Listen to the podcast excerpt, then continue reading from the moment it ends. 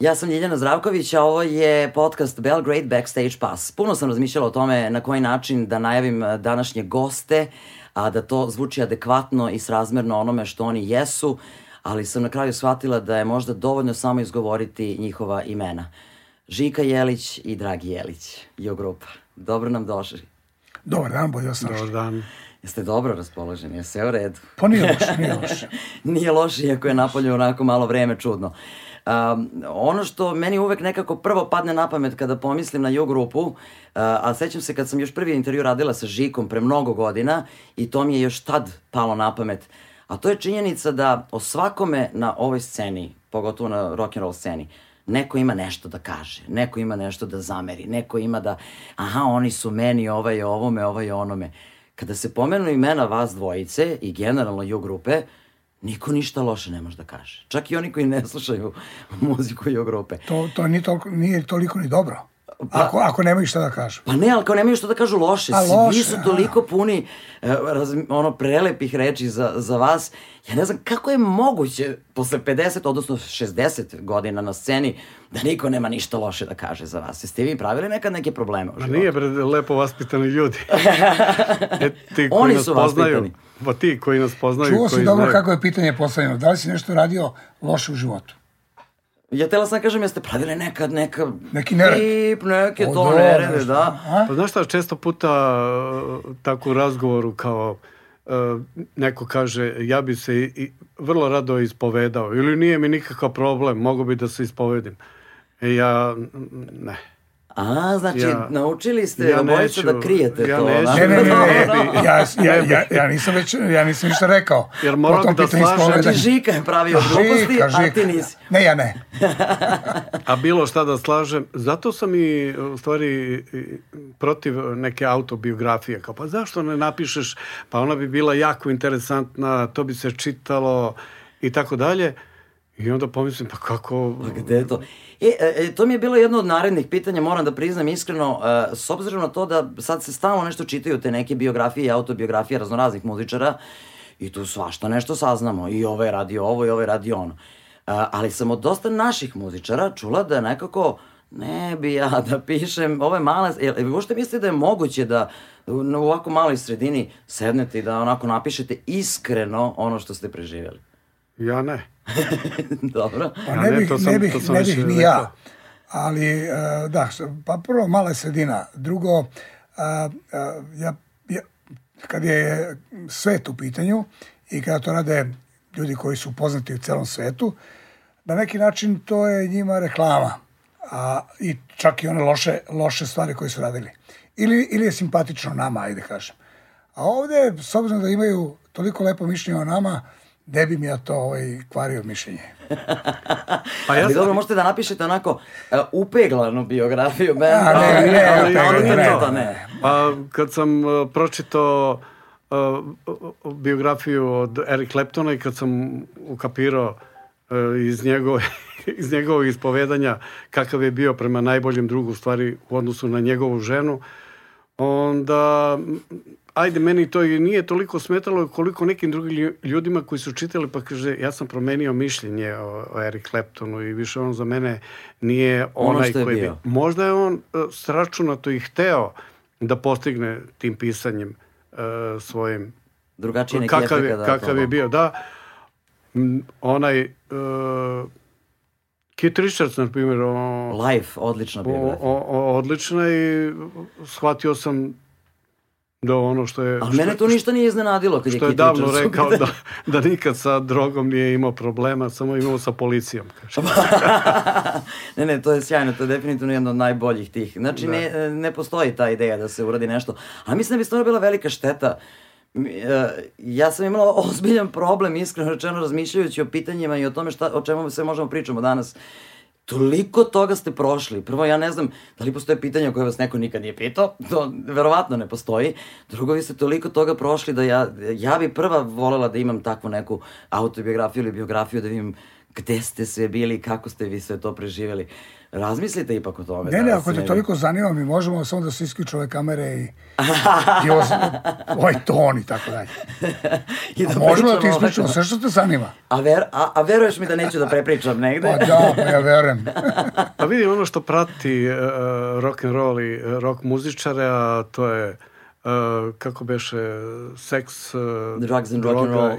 i, i rock and roll. Kod nas je taj uh, rock and roll primaran, a ono prvo normalno to ja mislim to normalno kod ljudi da se dešava, mislim kad je seks u pitanju, a droga ne, alkohol ne.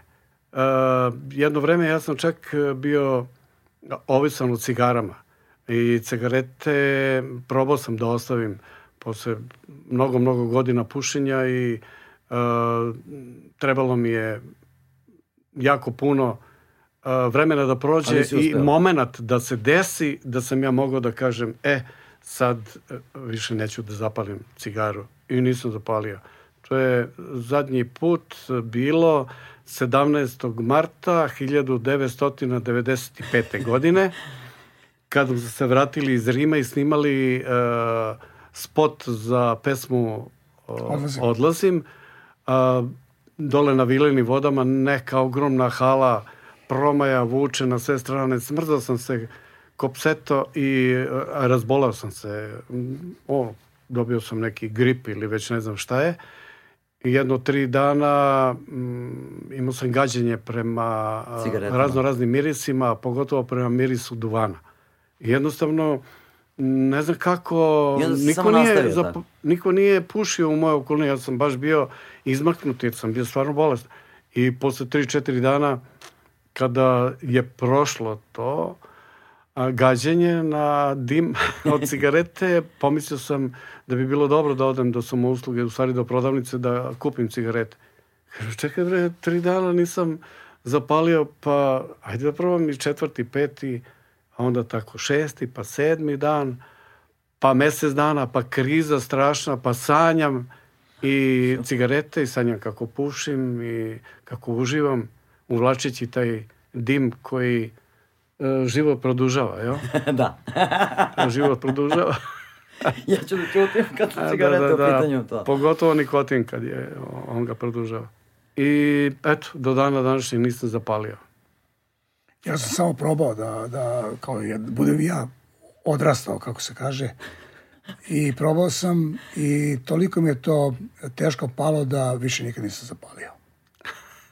Jednostavno nisam taj tip, ne, ne podnosim duvan, Ali, ne podnosim nikakav stimulans koji bi me doveo u, u, u, u- ne, neko, ne, neko nerealno stanje a, gde ja nisam svestan toga što bi se reklo. vaša droga je muzika u stvari. Tako je, Pa, da. tako je. I, i neki, ajde da kažemo, lagano sportski život koji živimo ceo život. Zato imate po hiljadu života, Pa ja naročito sam- Žika. ja sam ja sam tela da trudio. pita, ovo je pitanje za Dragija. Kako to da je Žika najmlađi u bendu?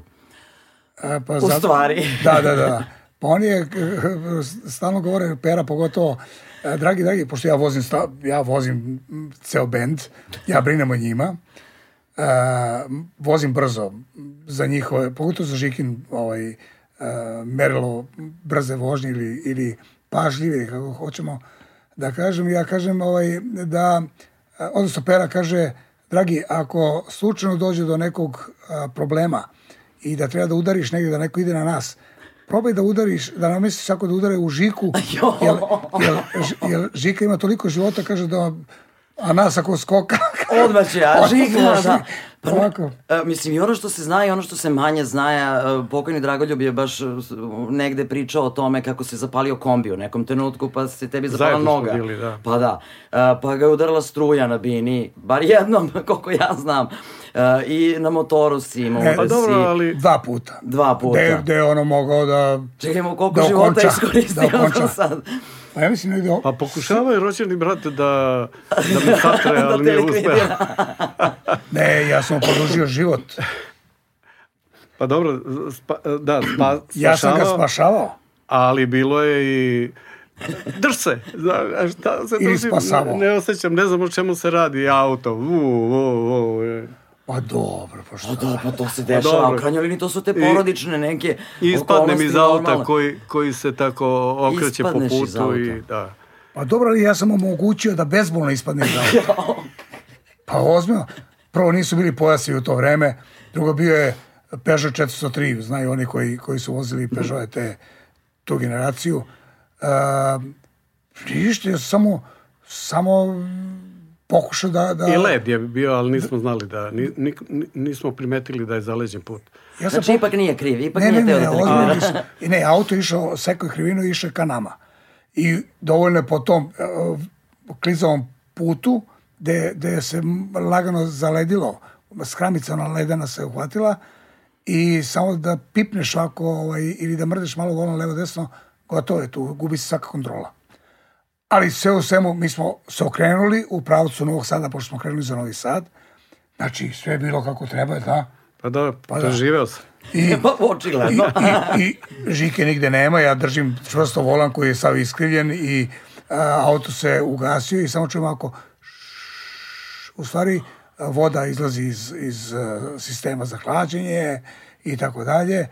Gume neke su se probušile. Ja gledam, njega nema. I odmah, već sam mislio, on je ispod auta. Ja izađem napolje, A ono ovako i, i ovako, ne, ja lagano, Žiko, Žiko, on ništa. Ja se razderem jedno, dva, tri puta koliko god mogu. A on to jedno 20 metara niže a, iz šanca izlazi i kaže, šta se dereš? A dobro, bilo je to. Bilo je E, to. Sad, sad je Da. meni malo jasnije zašto treći brat nije hteo da svira s vama i da ide s vama na turneje. Ne, treći brat nije hteo da svira, on je razuman čovek. Razumno, normalan čovjeka, neko mi, jel Da, to? on je, on je odmah ukapirao da je to težak, nesiguran posao. Ili kad bi se vozili samo brodom, onda verovatno bi on, Aha, onda bi- onda bi onda ovaj, Mora se nose instrumenti. U to vreme kad smo mi počinjeli, a to je davno, 62. godina, je u pitanju kada nismo imali nikakav prevoz, nego pojačalo u jednu ruku gitaru, u drugu ruku, u autobus, peške, Na kako voz, god znaš da, i umeš. Ali ništa nam nije bilo teško. A e, on je ukapirao u stvari da je to velika bre muka baviti se rock'n'rollom i I u svirati tim godinama električnu gitaru. bila muka da razmišljate. E, I, ovaj, I posle godinu dana koliko smo svirali zajedno, samo je rekao ja više ne mogu, ja idem u vojsku. Tad je bilo obavezno služenje vojnog roka. Pa da, ali eto, Petar je... Od, ali je uradio- sina, kao ne mogu je. ja, ali evo vam je. sina u Evo, nekom evo, momentu. neka malo proba sa vama i eto, proba već koliko, 30 godina. Da ja uvek neko kažem ono kao on je, onaj mali, onaj mali, a mislim i on ima staža u grupi onoliko, A, pa mislim od on je muzičar. 93. godine, od 1993. godine on je stalni član. A pre toga je bio na pripravničkom radu, uh, on je bio jedan od tehničara. Uh, nosio je, ali zajedno s nama. Mi nikad nismo izbjegava, izbjegavali taj uh, fizički rad kad su instrumenti u pitanju. Znači, Malo pre mi je Koča pričao na tu temu oprema. nešto, da je, da, da je on nosio neka vaša pojačala. E, ko je rekao, Žika ili Dragi? Kao, ma ja ću. Žiko, vi ste, e, bio je Beer Fest 2015. Ako se sećate kad je bio onaj neplanirani A po- naziv, ponedjeljak, vi ste- ponedjeljak. Tako je, vi ste imali zakazan neki već koncert, koliko se ja sećam. U svakom E, slučaju... u Mi smo bili, da, da, da. Tako je, tako je. I sećam se da sam ja nešto nosio... I kao mladi ja jak, sam radio onako. kao binu tada. Ja kao ono, mučim se s pojačalom. i Sve do svega mogu reći, mislim da ste vi bili. Samo ste uzeli i zapalili do kombija kao... Pa ne, ceo život mi to radimo i, i, i na, mi nemamo taj, kako se kaže, a, stid ili ne znam već, a, kao, zašto ti? Pa ja kažem, za, zašto ne ja? Meni nikakav problem nije da, da Pa što nemate neke ljude koji će da, da vam nose? Pa zašto ljude kad ja mogu da nosim i, i ništa mi nije teško? Nije, nije mi nikakav problem. Pa taj fizički Ali- a, a, napor koji smo mi ulagali a, pred koncert i posle koncerta, tovareći kamion pun opreme i tako dalje, nas je verovatno i održao da smo ovakvi. Pa vrlo je moguće, da. Baš ta energija koja, koja je i kroz celu tu priču e, se na taj način gradila nekako vas i održava i ja imam utisak da ste neuništivi otprilike. Ali kad smo pomenuli malo pre Petar, htio da kažem, e, sad ste svi nekako familija, morat ćete žulete da usvojite sad ili nešto. Pošto verovatno se osjeća malo čudno, onako kao samo Ne, ja ne, nisam ne, ne, nismo mi njega, žule naš. Žule va- vaš. A, E sad, e, u suštini je e, bend posle mnogo godina postaje neka vrsta porodice, a vaš bend jeste porodični biznis praktično. I sad, vi ste negde pričali kako je to lakše i kako je la... ali je li stvarno lakše kad ste Mislim, ne možete da oterate brata iz benda tek tako, ne možete... Koliko se često svađate stvarno i koliko, mislim, i vi ste non stop zajedno. I profesionalno i privatno i stalno ste nešto tu... Pa svađamo se, kako da ne. Danas Više na probi, ili manje nego što bi danas se svađali? na probi. Danas na probi on stane i kaže, okrene se prema meni i pita me, kaže, šta sviraš bre to? Ja nisam znao u trenutku šta da mu kažem, pa sam rekao, pa bas gitaru. Ama bas gitara, pa kako pitanje, takav odgovor. Da, pa sviram bas. A Žule počeo Kao ja da ne se znam smeje. da si rabas. Žule se smeo.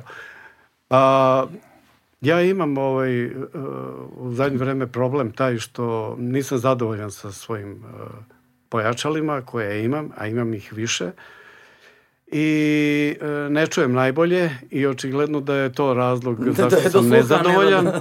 I ovaj, to nezadovoljstvo onda čini me malo nervoznim i tako da a onda i godine verovatno pa pogrešim ponegde, a on još uh, Dobro se čovjek. dobro drži. Još on- uvijek dobro. Da, mislim, mentalni sklop mu radi dobro, tako da...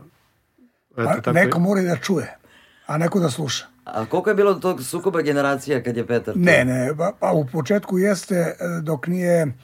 a, Pa morali mislim, smo sve potpuno te je- njegove uh, bolesti da, koje je imao, pubertetske te, tako da ih Ne, nazovem. njegova znatiželja kao mladog muzičara je potpuno meni razumna. I on kad mene pita, ja mu kažem, pa to ti ne treba, mislim, šta će ti to, e, neka pedala ili ne znam ovo, ono, nego određenu stvar koju mu ja preporučujem. Ne, on je morao sve to da prođe. I on, u stvari mi smo se povukli u jednom trenutku i pustili ga da sve, sve te dečije bolesti a, prođe i kad je prevazišao to na neki način, spoznao i saznao šta je u stvari, da je ton u levoj i desnoj ruci. A, a kad svirate gitaru, ne znam za ostale instrumente. A, taj pristup, to je to. Pomaga, ta, te pedale su, one, one su pomagala i, o, i odmažu ako ne znate pravilno i racionalno da, da koristite. Pa, da, i to mi je sad palo na pamet, mislim, vi ste učili njega, a, ali e, ste isto tako uvek nekako bili otvoreni za to da dajete savete i nekim drugim mladim muzičarima i nešto malčice mlađim. Mislim, ja moram da priznam da sam se juče čula sa, sa Crnketom, recimo, koji će biti naredni nije on gost. baš nešto... Pa, kažem, ali opet, e, e, ta doza poštovanja fantastično prema vama, to je bilo, jo, pozdrav ih, oni su divni, jo, oni su... Ti znaš da ja ne bi možda dan danas svirao gitaru da nije ju grupe. I rekao, pa kako to sad, jel su ti nešto radili? Rekli, pa nije, nego sam se ja toliko trudio onog crnog leptira da naučim, toliko sam se trudio onaj solo da naučim i da, eto, ostao dok da sviram tu gitaru i, no, i o, otišao i dalje i sve. A kaže, ali onda mi je bilo najluđe da sam jednom sreo Dragija negde i rekao sam mu to kako ne mogu nikako taj solo lepo da skinem. On kaže, ćuti, ne znam ni ja. Jel to istina? Pa ne, to, to sam mu rekao da, da bi ga Utešio. utešio na ovome. Kao, Crnke. Da, da ne mora da se nervira zbog jednog crnog leptira. Ali malo pred sam Dragiju rekao, kaže, ej, ajde poslušaj pesmu, zove se Noć je moja.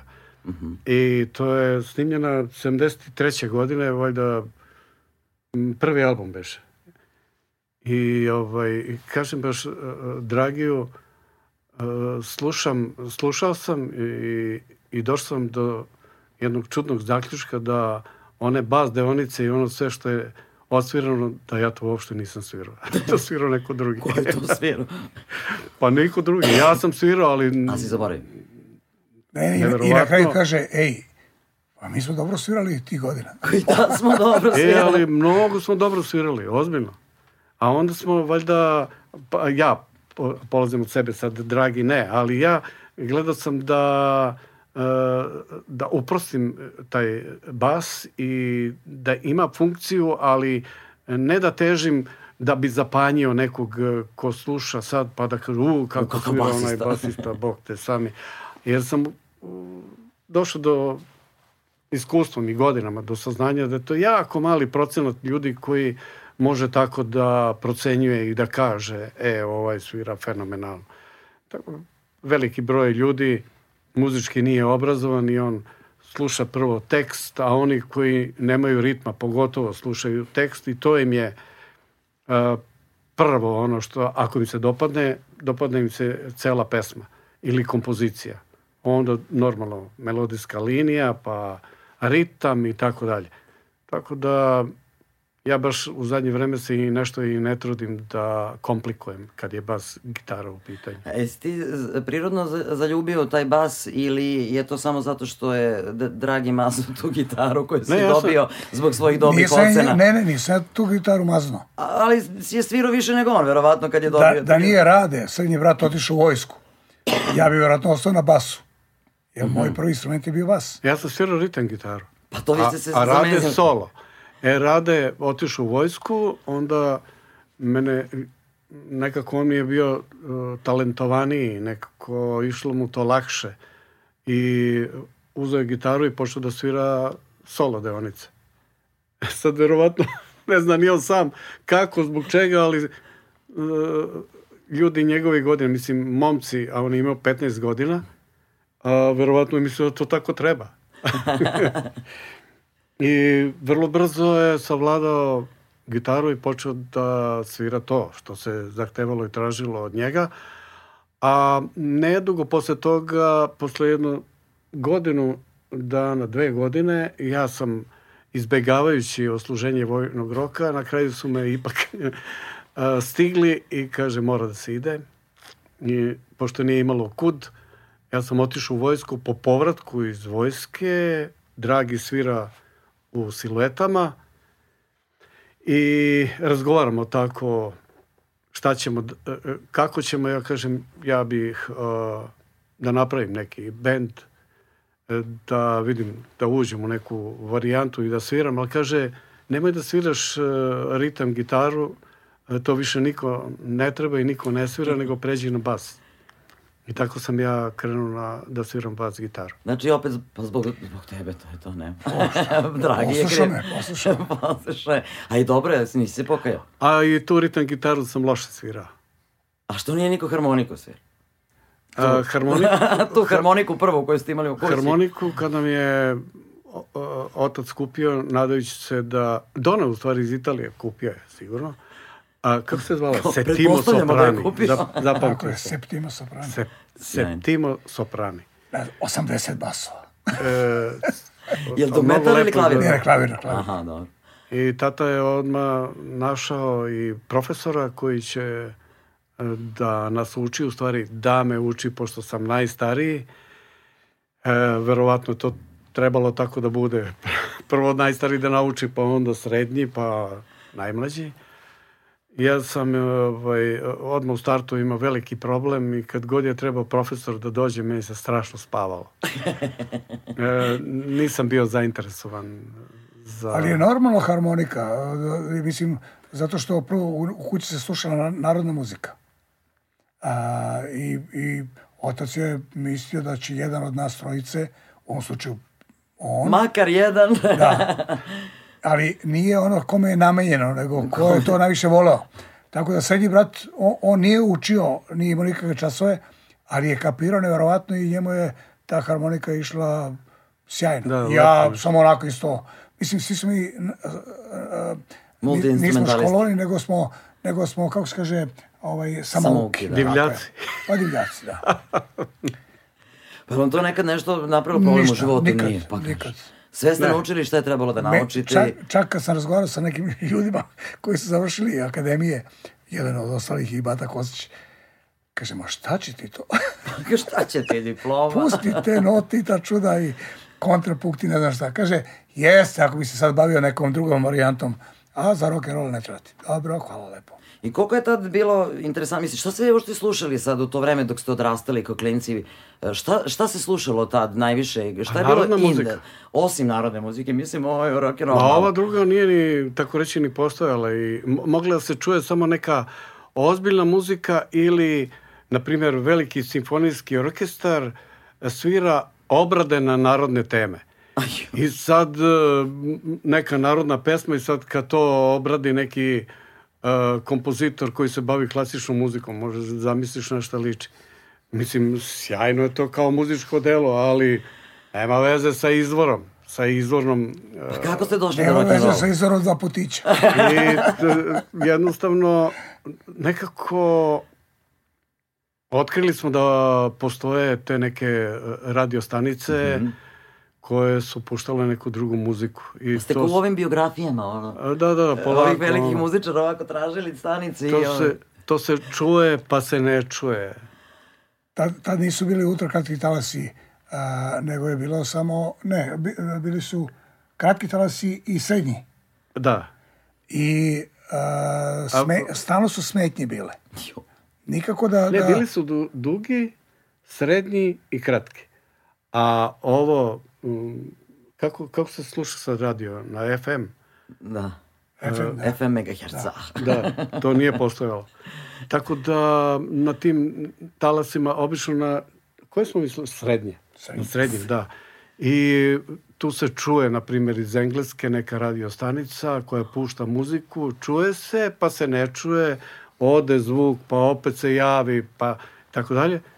I onda kada sam ja ukapirao, sad ne znam, dragi, kad je ukapirao da to neki zvuk koji proizvodi električna gitara, da je to nešto sasvim novo u- mom životu.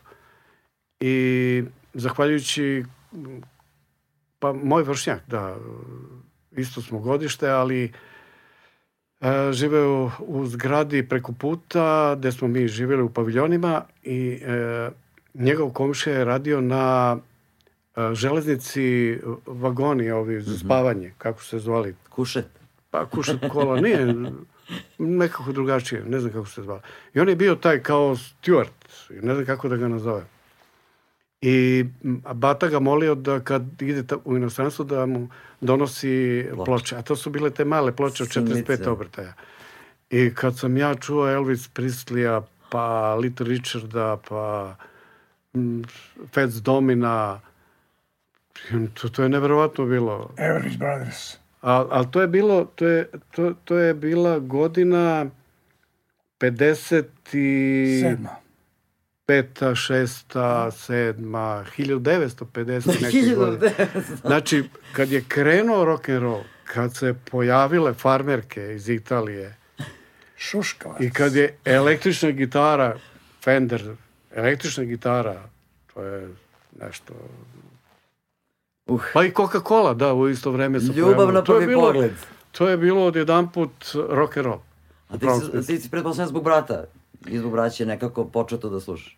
Pa, pa normalno, da. Rekao, ajde vidim šta oni to slušaju. Jer obično a, mi mlađi a, šunjamo se onako polako i gledamo šta oni rade, pa to kopiramo na neki način, pa da ima da li neku do- devojku slučajno i tako dalje, pa... Ali ovo je bila muzika u pitanju koja... ja nisam bio svestan toga šta se tu dešavalo, da budem iskren. Jednostavno, neko sam se percovao pored njih, jer verovao sam njima da oni znaju Da je šta to dobro. slušaju i da je to dobro i da je to nešto novo. I pokazalo se zaista sjajno i eto i do dana današnjeg nas to drži. Da, i, e, sad u, u to vreme ja pretpostavljam da ni, niste vi imali tu ideju, sad ćemo, mi ćemo da, e, ili ste imali da postanemo neke face, kao pa ste zamišljali sebe na tim velikim ne. binama, ne. Ma ste samo svirali zato Kako što... nisi? Kako Ne, nisi? mi smo- Samo sekundu. Jesi pravio šimi cipele? Jesi pravio zoncare? Ali to je bila bre čekaj, moda. što- zašto si to sam- uradio? Ja sam pripadao, A, da bude pripadao modern. generacijski e, kad, je, kad je oblačenje u Pazi, pitanju. šimi cipela, ovakav je završetak napred bio. Znači, Ja, ne na može s- ih obuje. Na Senjaku negde neki e, majstor je pravio, privatno se tada radile, više nema takih majstora. I ja odem kod njega i on mi uzme meru i napravi mi broj manje. Jo, I pa šta je ovo? ja da probam, šimi.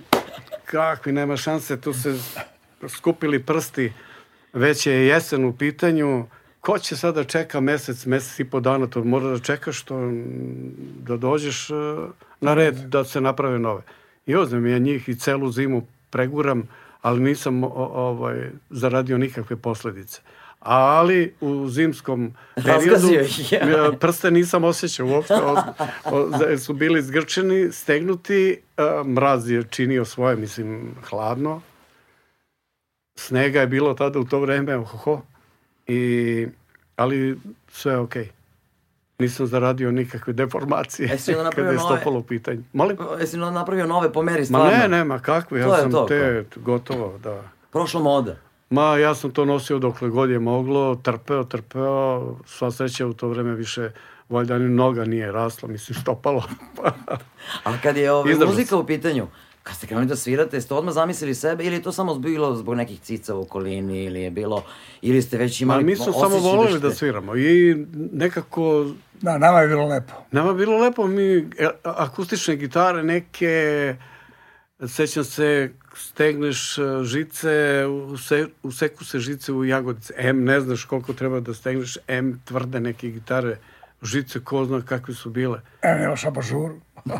I, ovaj, I tako smo sami počeli da sviramo, a, jer smo slušali Shadowse, a Shadowse su tada e, najpoznatija svetska instrumentalna grupa. I e, po, oponašali smo njih, Rade bio solo gitara, ja sam svirao ritam, e, kasnije Dragi svirao bas gitaru, ali dok smo ja i Rade svirali, ja ne znam šta si ti svirao. Akustične gitare. Pa ništa. Ja sam po šerpama udarao. Udarao po šerpama pevušio malo. Pa da. I, i skupljao ženske. Ove što ste ih Nisam vi ja prinašali. pevušio. Ja, nisam, ja sam tek uh, počeo da pevam uh, uh, uh, kad smo osnovali džentlmene. Realno. Dotle nisam nešto pevao, niti Nisi hteo ili- Nije nije, jednostavno nije zanimalo. I uvek sam mislio da ja imam, kad ja samog sebe slušam, da imam odvratnu boju glasa. Ali ta boja glasa je toliko specifična Ne, ne, sve na to kraju, stoji. da. Dok drugi nisu rekli, ej, pa to je fenomenalno.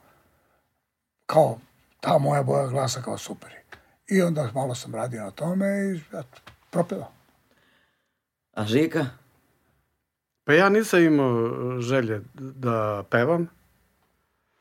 A da zviždiš? Mene, pa da, uh, a to je zviždanje, da, da, da, to je ko, ko uspe da uh, zviždi, a prvi put izađe na pozornicu i kad pogleda ovako vidi punu salu, e, ja ne znam, dao bi mu ne znam šta.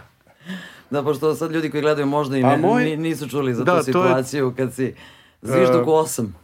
Pa da, u to vreme e, kad, kad se, kad se pomenula priredba školska, šta je zveždanje, bilo? u mojoj školi, u, ja sam bio u saobraćajnoj školi, bila je velika uh, fiskulturna dvorana koja se lako pretvarala u koncertnu dvoranu, jer je imala i veliku pozornicu.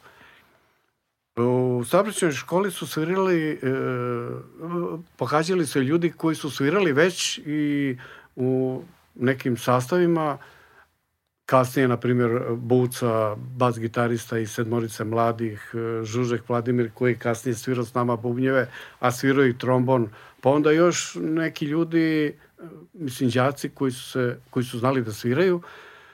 I na toj priredbi trebalo je neko nešto i da otpeva, između ostalih koji su pevali, ja se prijavio za Zvižduk osame, tad je to, to, to bilo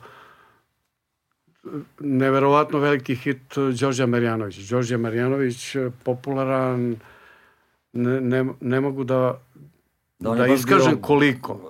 Neverovatna zvezda Da, na da, da, baš, Jugoslavije. baš da. velika.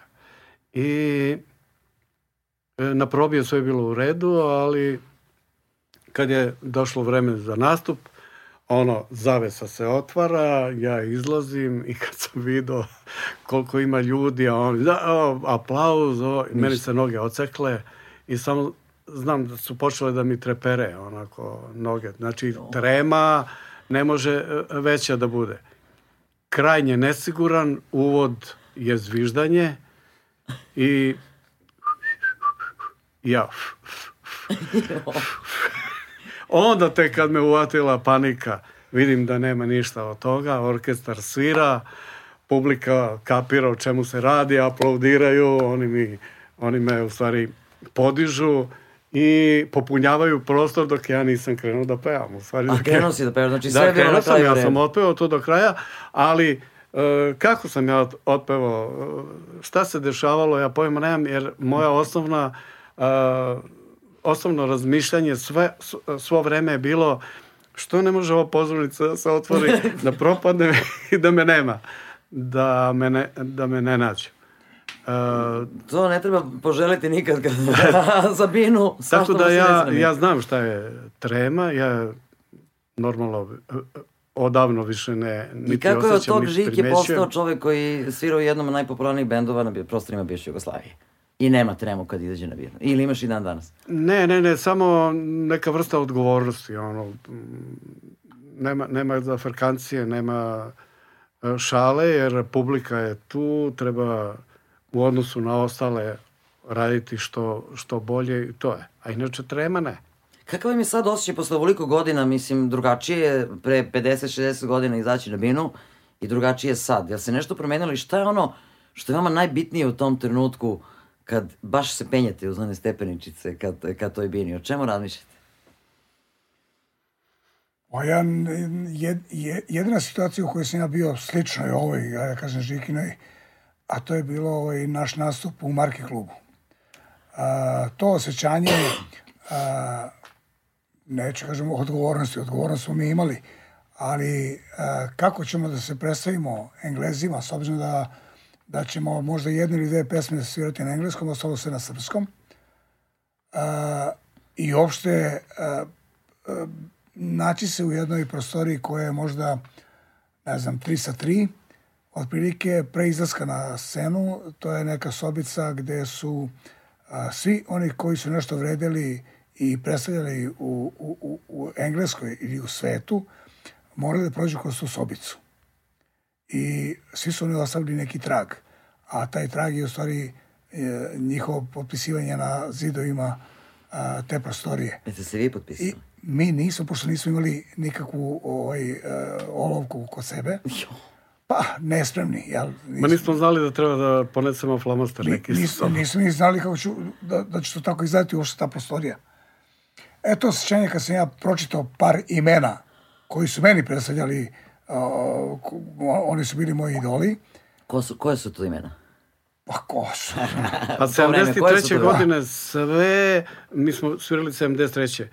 E, ja ne, ne znam, valjda sve u svetu što je bilo ne popularno. postoji, a da nije prošlo kroz Marki Od klub. Jimi Hendrixa, Petera Greena, Eric grupa raznoraznih Erika, Stonesa. Ja ne znam ko, ko se tu nije uh, potpisao. To je strašno ovaj, šteta da je moglo nekako da se skine taj malter iz Marki kluba, pošto je Marki klub zatvoren.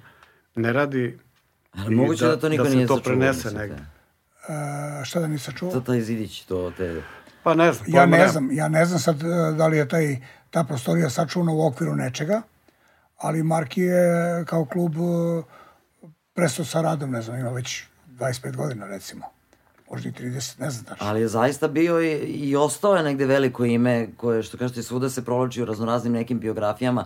I sad, samo da, da objasnimo ljudima kako što je došlo do toga, pošto ja znam, recimo, možda neko, e, kako je uopšte došlo do toga da vi u Londonu e, zasvirate i da stanete e, i da imate tremu u Marki klubu. Pa došlo je od toga da smo mi ovde imali neke instrumente koje smo prodali i bila je varijanta da krenemo kombijem i da kupimo nove instrumente. A, dolaskom u London a, mi smo imali tamo prijatelje koji su živeli a, i radili u Kensington marketu. To je čuveni market gde, se, gde su se pravile raznorazne um, kako se kaže, odeća, odnosno um, cipele, garderoba za a, ljude koji se bave show biznisom, odnosno koji su muzičari i oni koji vole tako da se oblače. Tako da a, na njihov nagovor a, je bilo, prvo koliko ostajete ovde, mi kažemo pa 7 dana.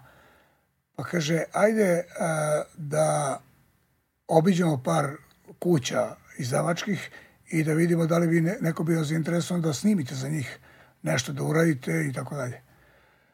E, mi smo išli, ne znam, kuću koju je držao e, Elton John, nije prošlo, e, još jedna kuća i treća kuća je bila CBS. Da.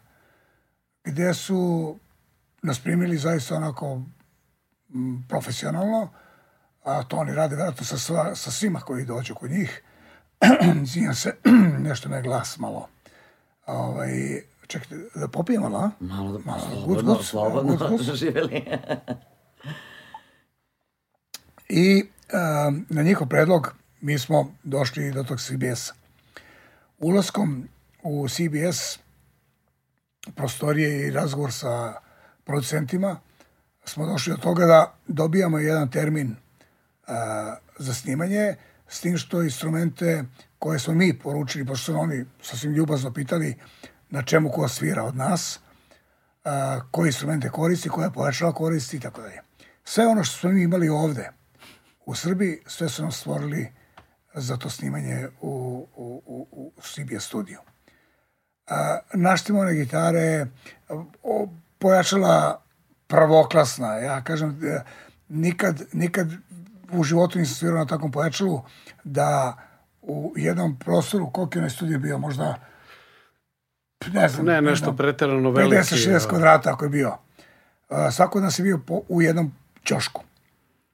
Meni su donali duplog maršala. Znači ne a, jedna kutija jedno pojačalo, nego dve kutije pojačalo. A, na, na, na snazi od one koji sviraju maršala znaju šta znači jedinica dvojka i da do petice postoji neki čist ton, nazovimo. A, a posle toga je krkljenje. A, ja sam na, na između 1 i 2 snage imao fantastičan ton. Manje više to, to naše sviranje u tom studiju, uh, ok, mi smo snimili jednu, drugu, treću, četvrtu pesmu, da bi u nekom trenutku, posle te četvrte pesme, a, pričamo, ne, to nije bilo pevanja tada, nego samo instrumentalno, ovaj, su nas pozvali da dođemo da poslušamo to što smo uradili. Normalno ušli smo u režiju, gde sam prvi put video dva i po inča onu traku, a, gde su ljudi znali šta rade i kad su oni pustili te, ta tri, četiri naša zapisa, ja sam se zaledio. Mislio sam da je to Neko drugi svira. Neko drugi Da, da, svira. da, To je nevjerovatno, da.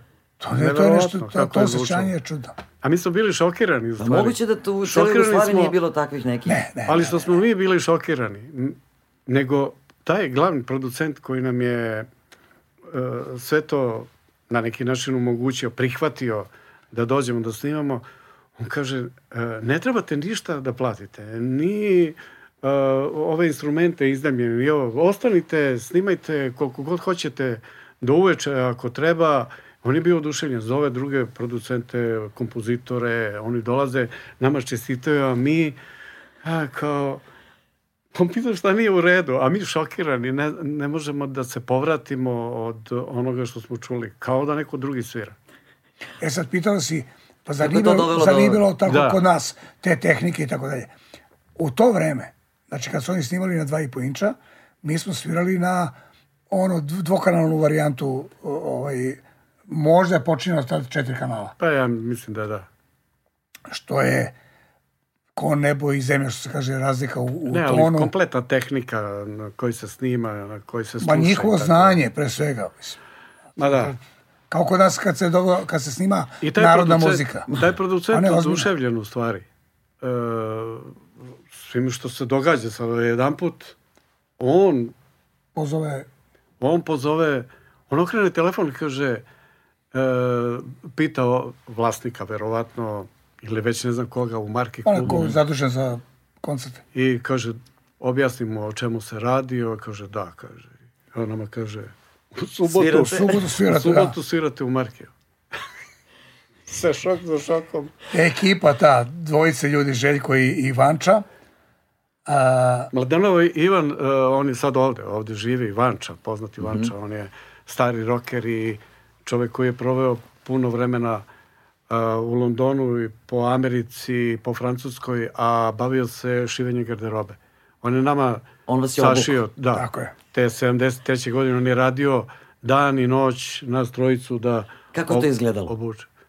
Koje su to boje, šta je to bilo? Ajde, baš me zanima. Ne, kako to je njegov odabir, pa to su one sjajne, oni sa koji, ako znaš, videla si Ma vjerojatno. sjajni metalik, A- zeleni, srebro, uh, čizme. I tad sam bio visok, 1,80 A, i, m. E, visok čizme bile sa platformom i velika uh, peta, uh, visoka. I- tako jel teže da- svirati a tako sa štiklama? Zvoncare, Pa jeste, pantalone. ali ta lepota.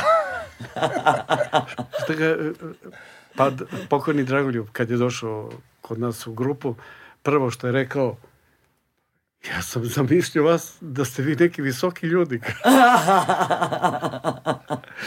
A prvo... To su e, štikle. e, Da, čizme, a drugo, slikanje uvek od ozdo, pa Izgledate kao... Onda- A i tad su, tad su je nosile i zoncare Žika i sam onda metar i normalno da... 70, noga ispod je visok. Ja sam sad shvatila, e, vi ste u Marki klubu imali možda tremu zato što ste imali štikle, pa niste znali kako ćete pobijeni. Pa imalo i toga, bilo je i to. I, i, to i ta malo- odela koje su bila kao da smo u oklopima nekim. Nova. Nova i nije bilo E, stegnuto, stegnuto sve. a, ali naš nastup je bio zaista po priči ljudi koji su tamo bili, da je bio bez, bez ikakvih problema. A ta trema? Da, da ne kažem odlično. Ali to um, e, sviranje moje, pevanje i uopšte ceo taj na- nastup je meni prošao ko da sam negdje bio... to ne je ta trema, jel? pa to je ta trema, da. Ali, ali to je pozitivna trema, nije to ta, ta koju je Žika imao, pa da me baci negde u neki bedak. Ne, nego to je trema koja je iz mene izvukla maksimum koji se ja mogu u tom trenutku da dam. Imali ste i fantastičan, fantastično to snimanje i fantastičnu svirku i kako se onda desilo da ne ostanete tamo da završite neku ozbiljniju priču? Da U grupa ne postane Uvijek je, posto, inostrana U uvijek je grupa. postoje neko kao krivac. U ovom slučaju to bio Dušan, Dule Ćućus, koji je bio naš, uh, ajde da kažem, menadžer, A da, jel? menadžer. u to vreme. Koji, dok smo mi to snimali, on nama javlja da je hala sportova na Novom Beogradu rasprodata. Ja, da. I da se ne šalimo slučajno, da ostanemo u Londonu, a da se ne vratimo, jer on će biti mrtav. Pa dobro, mogli ste da odsvirate, pa onda da se vratite u London. Pa sve je moglo, ali ne znam. E, pa tako smo i planirali. da- Kao je da dođemo da osviramo taj koncert i onda ćemo da vidimo da se vratimo. Ja u principu nisam bio za osajanje. Odmah. Ti, Evo sad. Ti ste da ideš. Pa Ne, nekako htio nije, da me to, vrati. nije me to Da toliko za privlačilo. A, to. Dragi, verovatno neutralan. Jedini Raša, pošto smo u triju svirali, a svirali smo, mnogo smo e, imali nastupa te godine, mi smo bili tako usvirani da to bilo neverovatno. I e, sve to se osetilo normalno snimajući u tom studiju e, CBS-a. Tako da e, Raša je odmah bio. Treba da ostane. Pogotovo kad smo svirali e, u, u vreme nastupa u Marki klubu. To je dve prostorije velike. U jednoj je ogroman šank gde stoje za šankom, piju pivo, one plastične čaše ili već e, iz čega piju i ovde druga prostorija samo ovaj pozornica, instrumenti i to je. Znači, ako si interesantan i po njihovom mišljenju koji su za šankom svira, sviraš dobro, oni polako dolaze da čuju, da vide šta je to. To se nama desilo da su došli ljudi sad gledaju o čemu se radi, šta je ovo, koja je ovo muzika. Pogotovo kada To su ovi metalik momci tamo na ove bini. teme e, sa juga Srbije, e, Mhm. Nona, Kosovski Božuri, sama beše, da, to im je bilo Samo neverovatno. nije bilo to ali dobro. Izlazi čovek, nikoga nije zvao niti pozvao, sam se predstavlja na pozoricu u trenutku dok mi sviramo. I kaže, e, ja sam menadžer Alman Brothers e, benda, grupe za turneju po Engleskoj. Njihova turneja će trajati 15 dana ili tako nešto, 15-17 dana. E, ovu grupu nas n- nikad u životu nije vidio, ali ih, po- ali ih pozivam da budu predgrupa. E, I Znači, vi ste to odbili. na toj ja kad turneji. sam pročitala da ste Almanima odbili da budete predgrup. I meni to Oni su sve mi njima tako direktno bilo... Ali dobro. sve bi bilo e, mnogo nekih stvari se izdešavalo Nisu- nisu za bili spremni jako za tako nešto. kratak e, period. Za, u, u roku od par dana, dva, tri dana, to je neverovatno, odjedan put e, e, neka životna prekretnica mora da se napravi. Ili ostati, ili što je, što je rekao taj producent, da bi oni e, finansirali naš boravak, e, razno razne agenti, fotografija, slikanje, šta ja znam, to sve ulazi u, u tu varijantu. To bi trebalo negde par meseci, valjda, 5-6 meseci. Šest meseci. Mi bi tu živeli, radili, snimali i tako dalje, da bi onda to već krenulo njihovim razrađenim šemama i, i nekim tokom.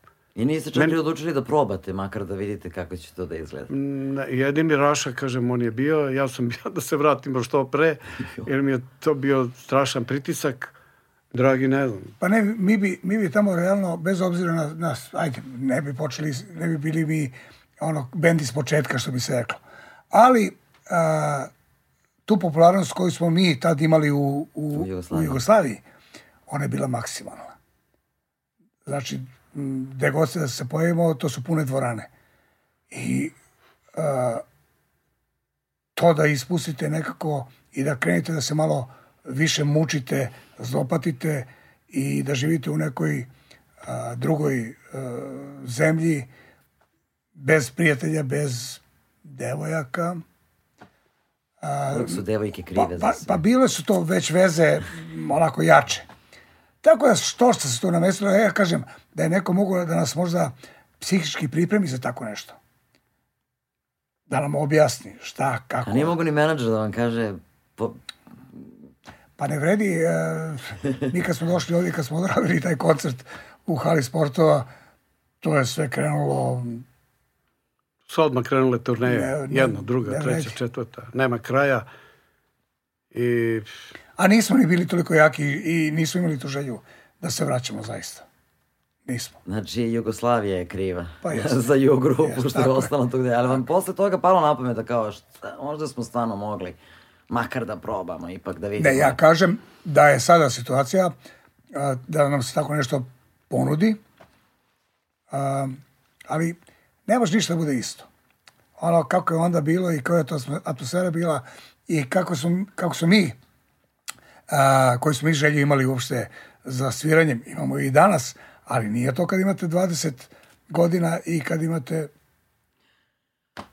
Da ne pričamo sad o godinama, je to? da, neću da kažem zamor materijala, Ali dobro, bili ste, nije to ništa. bili ste ultra popularni ovde, uradili ste mnogo, mnogo, mnogo toga, bili na mnogo turneja i sad mene uvek zanimaju nekako, s obzirom to da ove mlađe generacije, čini mi se mnogi nisu ni doživjeli to da budu na nekoj turneji. Mislim, pogotovo sad ono Srbija, to se sad ode u dva grada, pa se vratiš kući, pa odspavaš malo, pa onda opet drugi. Pa ne, turneje, turneje su bile u to vreme Jugoslavija je bila, bila ovaj, rokerska zemlja. I bilo je jako, jako puno rock and roll grupa, što pri mesnim zajednicama, kaže mesni zajednici, to je znači neka zajednica u okviru nekog kvarta. Mm, Bilo ti puno tih mesnih zajednica koje su stariji, e, koji su koristili za svoje sastanke, ustupali e, znači, mladim ljudima da tu nešto rade, da se bave razno raznim stvarima, pa i kada je muzika u pitanju. Tako da mnogo bendova je bilo, mnogo Ali je bilo i svirki. vokalnih instrumentalnih sastava. Da, da, bilo je svirki. I s kim ste se družili najviše od drugih bendova na turnejama? Sigurno je bilo toga. I te turneje, te Ovdje po turneje, Jugoslaviji. Pa to su, ne znam, Time, uh, Parni valjak, uh, Jutro iz Ljubljane, smak. Smak, da. Nastupali smo i nešto i sa Belim dugmetom. U Par, ne- par svirki, da. Da. E, a ne, to, to su bile neke turneje, da. E, turneje gde Ju grupa ide na turneju, onda Mihaljek, e, organizator e, te turneje, na primjer, pa kaže, e, imam jednu grupu, zovu se Belo dugme, Bijelo dugme. Bijelo dugme. Da, a jel nije nikakav problem da oni idu kao predgrupama? Nikako i ne. Ja, kako to sad meni čudno zvuči, ovako su ove Nema razdaljene nikakvih kao... problema. Uh, Ju grupi je Bijelo dugme bila predgrupa. Mislim, koliko ste vi... Pa dobro, normalno, zato što mi smo Pa ne, počeli. uopšte, ali Ne, definitivno... nego kažem, ne, ne, možda ne mogu da steknem taj osjećaj da vi ste toliko dugo tu, jer ste mi nekako mladi. Nije još vek, Mladi, još ne, ne, nije pa vek. to, to, nekako ste mladi, nekako ste puni snage i energije. Čovjek bi pomislio da ste počeli karijeru pred deseta godina. Pa, Možda i jesmo. Možda mi počeli tek da sviramo. Da, da, da, što kaže Dragi pre neki dan, ja kažem, pa a, ovaj motor, ok mi je, lepo se vozim na njemu. A on kaže, pa ipak je, kaže, rvanje nekako sa motorom. Je- Harley je specifičan motor i on stvarno nekako zahteva da taj koji sedi na njemu i koji, ga koji vozi. ga, neću da kažem, Jaši, vozi, jaši. jaši, jaši da, Da, da. pošto je rajder. E, koji ga jaši, on ipak mora da bude nekako čvrst, e, snažan. Jak, jak. to ne mora može, da- Ne kušac. da ne može neko mlitav d- da vozi Harley. Ili mora da ima težinu, ili da je jak. Zato što, pa to je 350 kila i onda... I to mi mislim, je, to ovaj, lako. a pošto ja druge motore, on je vozio razno razne motore i japanske motore vozio, pa verovatno može da napravi Brzalice. paralelu i tu, tu ra- Ne, nisu, nisu brzalice, ali ovaj, su lakši kudi kamo za, za...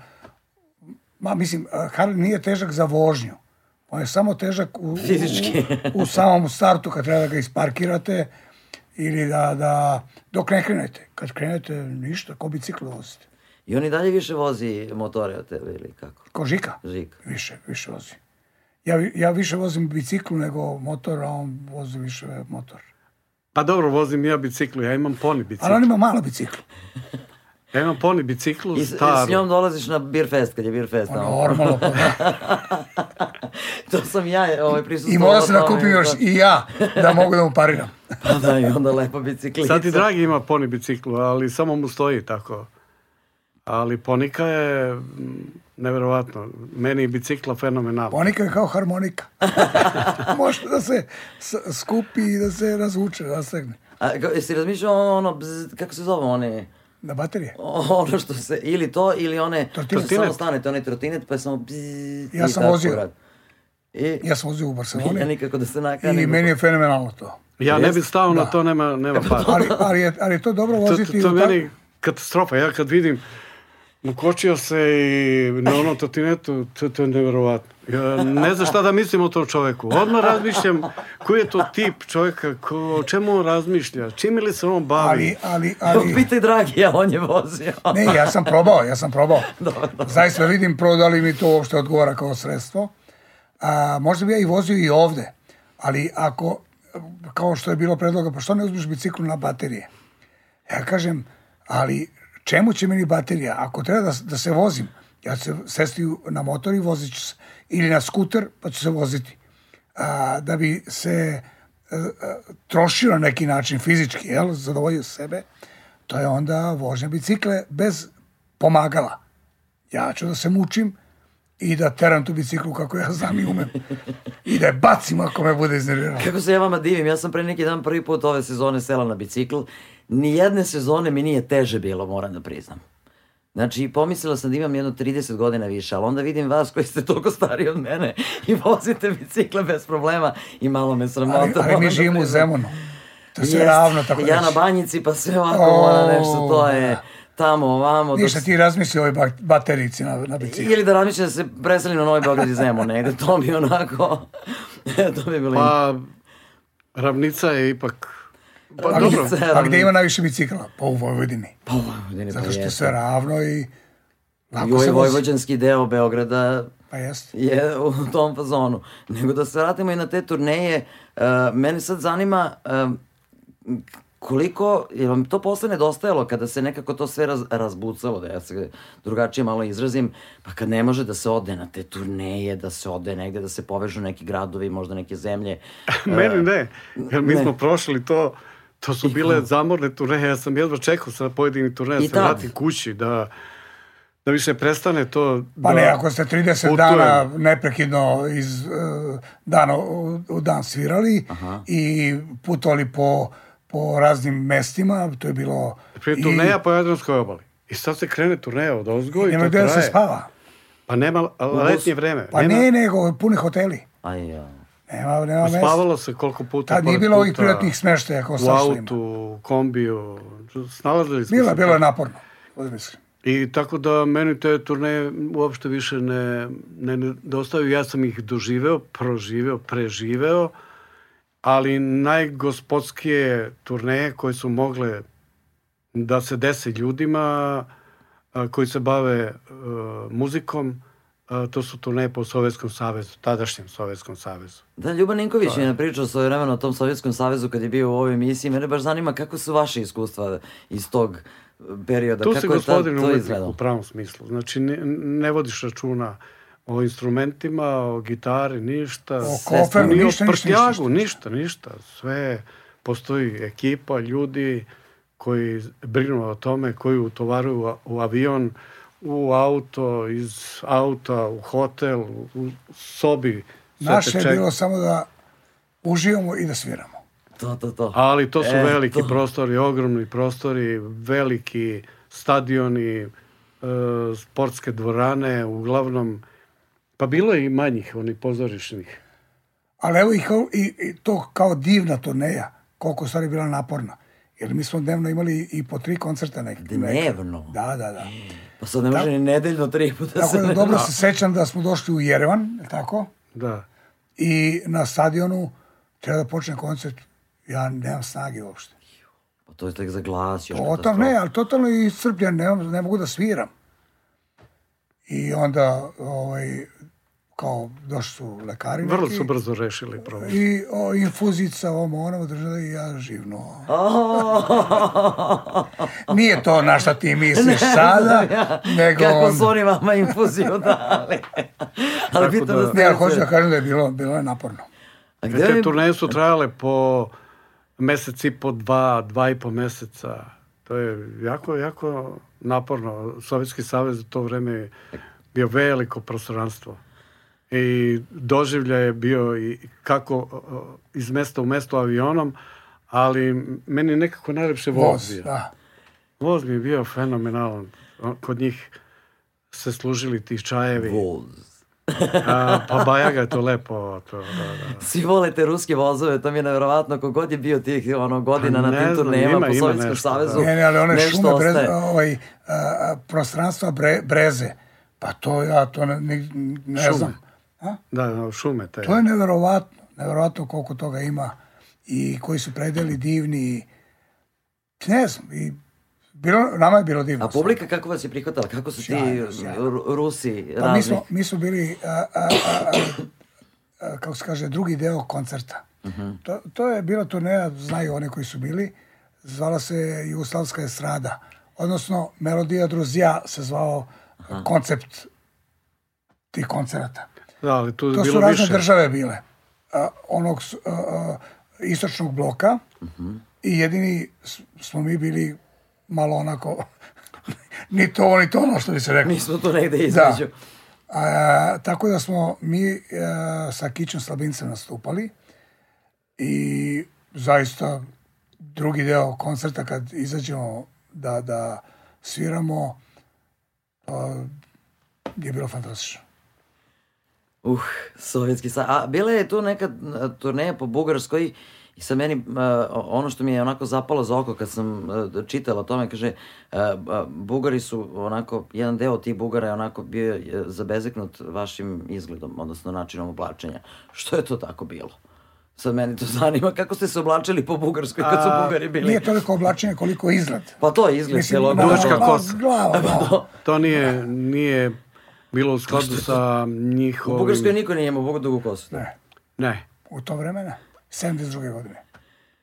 Tako da je, dragi, moraš Mi smo, male mi smo neki imali, mi, lak. mi da bi e, o, dobili tu turneju Aha. ovaj, po, po um, Bugarskoj, morali smo da uradimo probni koncert. Mi smo otišli do Sofije i za zat, zatvorenog tipa bio koncert za neke Ministarstva, ne znam, la, la, la, i tako dalje, i tako dalje. ljude koji, su- koji, će, koji su odgovorni u stvari za, ako mi krenemo na turneju, za sve što se bude dešavalo u vezi muzike, našeg izgleda, ponašanja i svega toga, oni su odgovorni.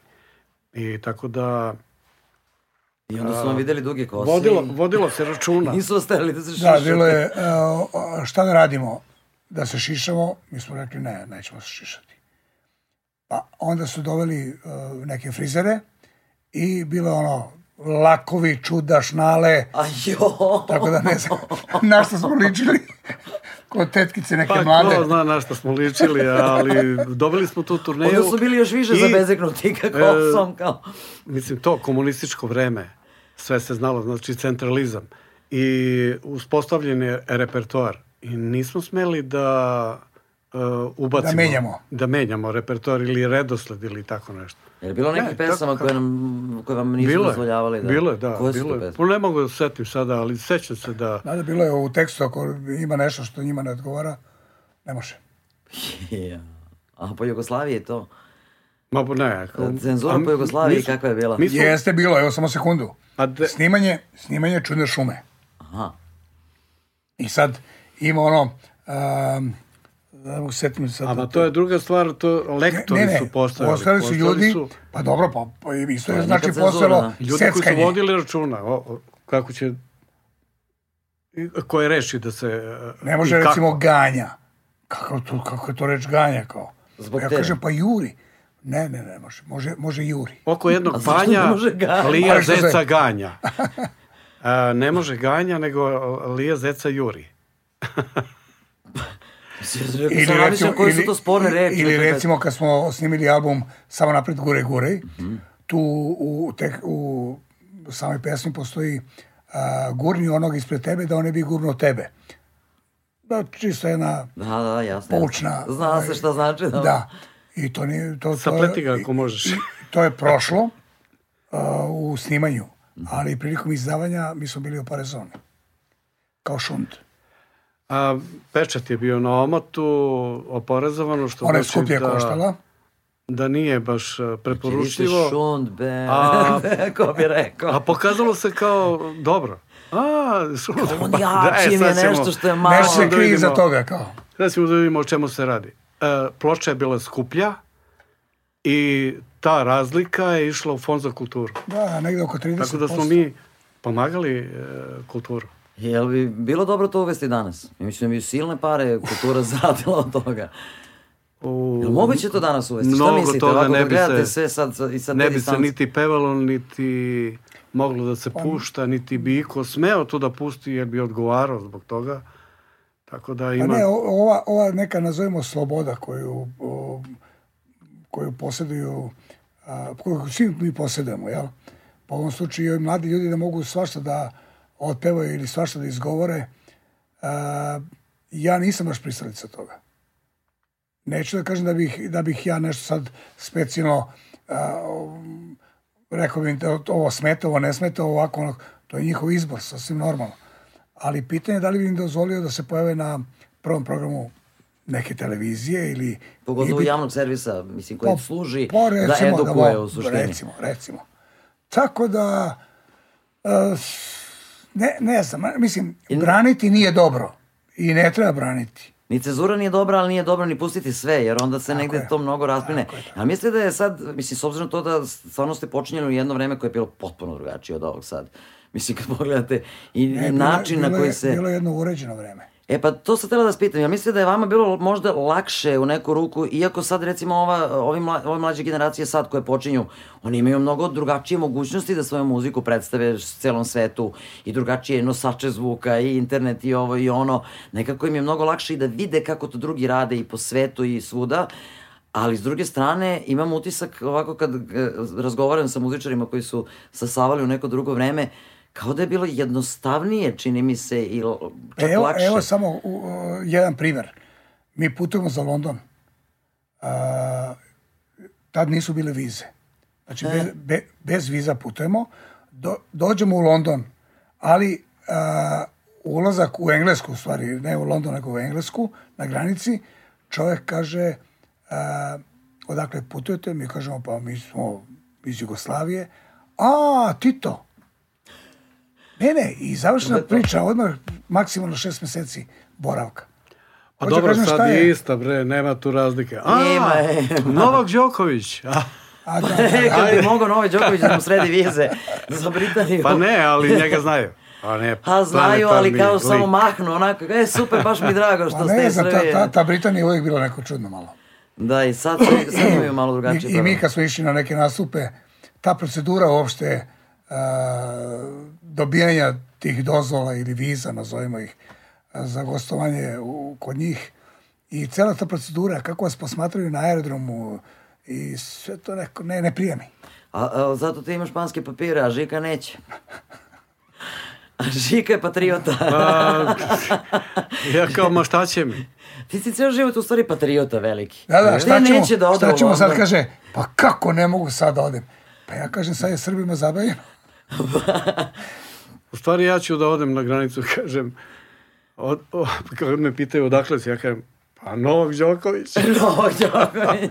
ja sam u stric. Ne, ne, ali dosta, dosta ljudi nas ovaj, a, nešto mešaju. Kao, ja sam Žika, a, dobro, za njega... Ja kad sam neka- bila mala, moram da priznam u nekom momentu, pogotovo kad ste osedeli obojica, nekako ste mi bili slični. Priznajem, kad sam bila mlađa. A sad se Onako, se ra- razlikuješ, jel? uh, samo da vidim. E, zamisli, zamisli sad ja da idem. Ne, ne, ali ja mu kažem, evo ti moji papiri. da Levo, me uhapsam tvoj tamo i da me zatvore negde i da, da se patim i da ispaštam. Pa što u ovim godinama, pa što hoćeš čoveče? Doživi nešto. Do duše da, mogu bi to da probam. A, Si šta bio nekad u zatvoru, a, makar jednu noć, ono da te... Da, bio sam jednu E, noć. stvarno? Zašto? Da, da. Jel smeš da nam kažeš? Bio sam jednu noć uh, zbog krađe. Čega? Bio lopao. Pa tamo u, uh, to je bila bivša neka studentska menza na uh, Novom Beogradu, ona više ne postoji i fiskulturna dvorana, ja se bavio od malena gimnastikom, ali ta, ta jedna prostorija bila a, sa nekim onim staklenim prozorima malim, ovako, Aha. od su, studentskog, uh, ne znam šta je to bilo, od studenta, Da, da, njihovo da, da. vlasništvo uglavnom. I pošto je bio prozor razbijen, ja kad sam pogledao unutra i vidim federi za ra- ra- razvlačenje, za dobijanje mišića. Aha, aha. Za mučenje. I to I. I niko neće, ja u- uđem unutra i sečem se, pošto je viralo parčence stakla na butinu, ubodem se i ovaj, uđem unutra, uzmem tih pet uh, federa i uh, podelim. I vrlo brzo su nas našli, povatali i zatvorili. I zatvorili zbog da, da, Federa. da. Tako Ja rekao da, nešto ozbiljno. U to vreme to je bilo ozbiljno.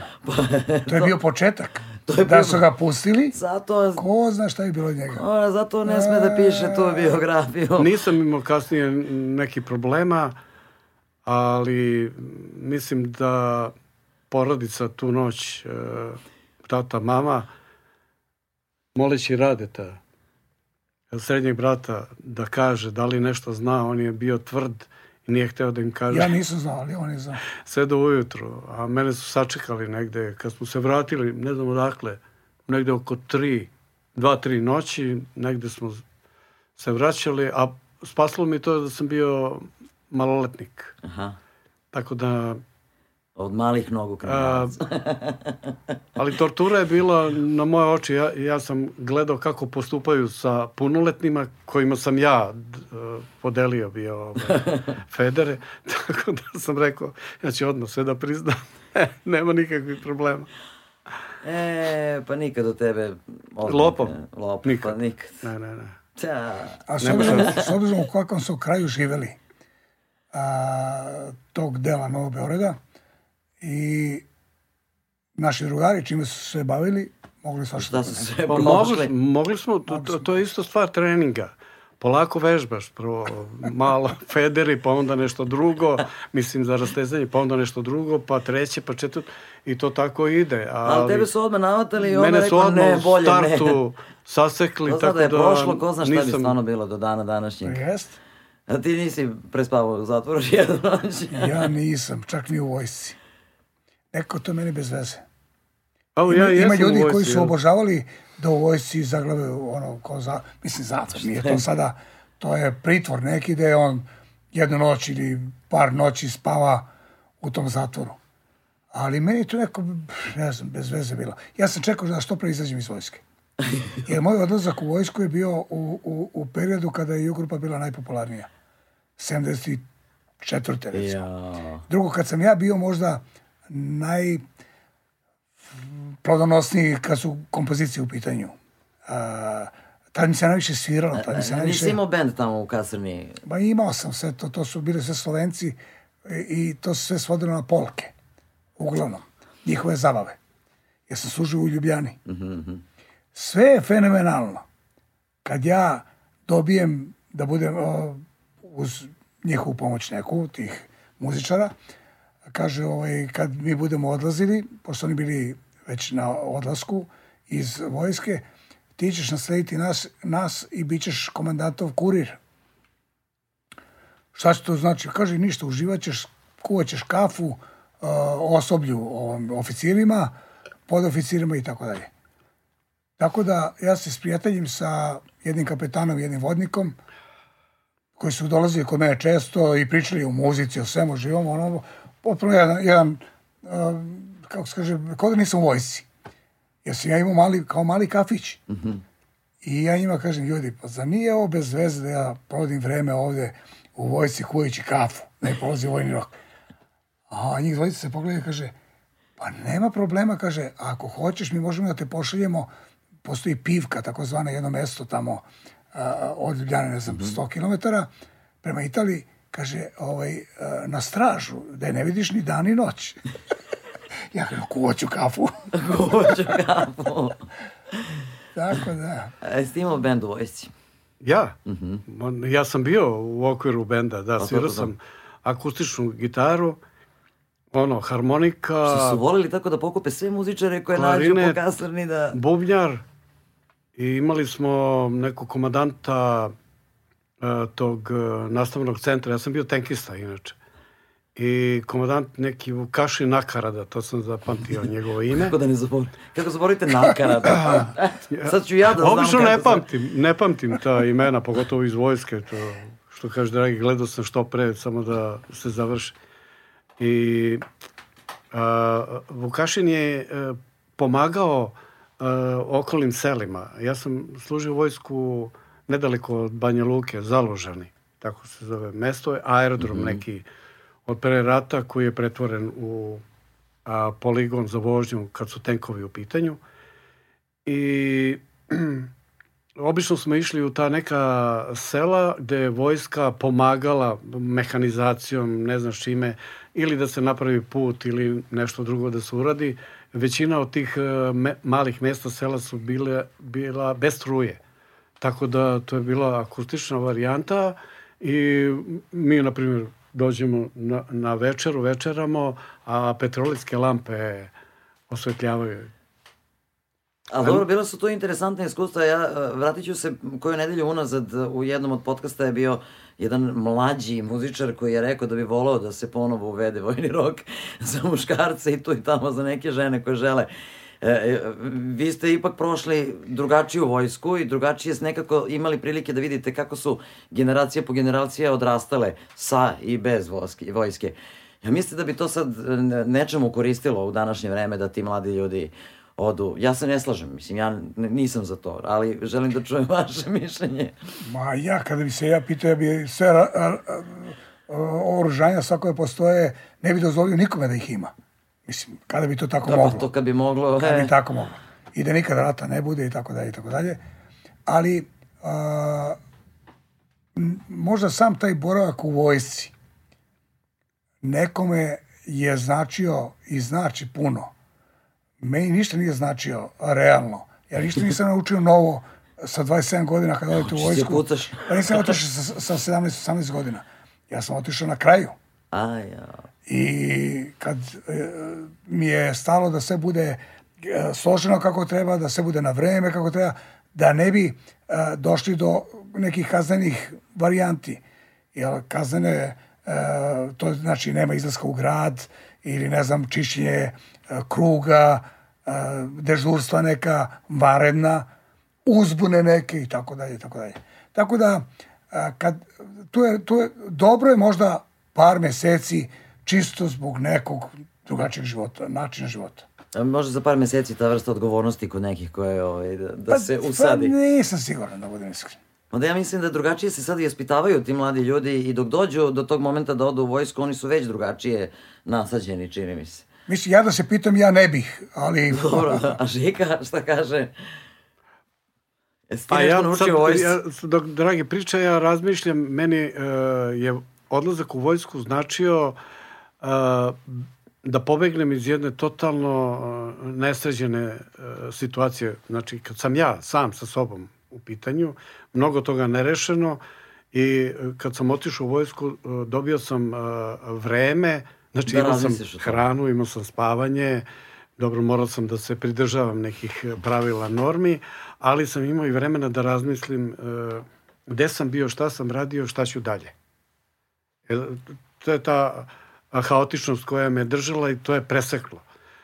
A, a nije mi e, trebalo dugo da ukapiram o, o, o čemu se radi, šta je u stvari poenta svega.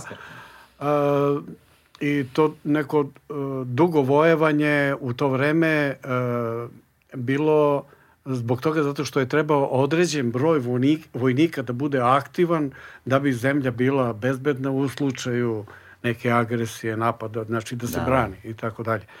Tako da ja sam u vojsci bio godinu i po dana, a, ispred mene generacija je već e, služila dve godine.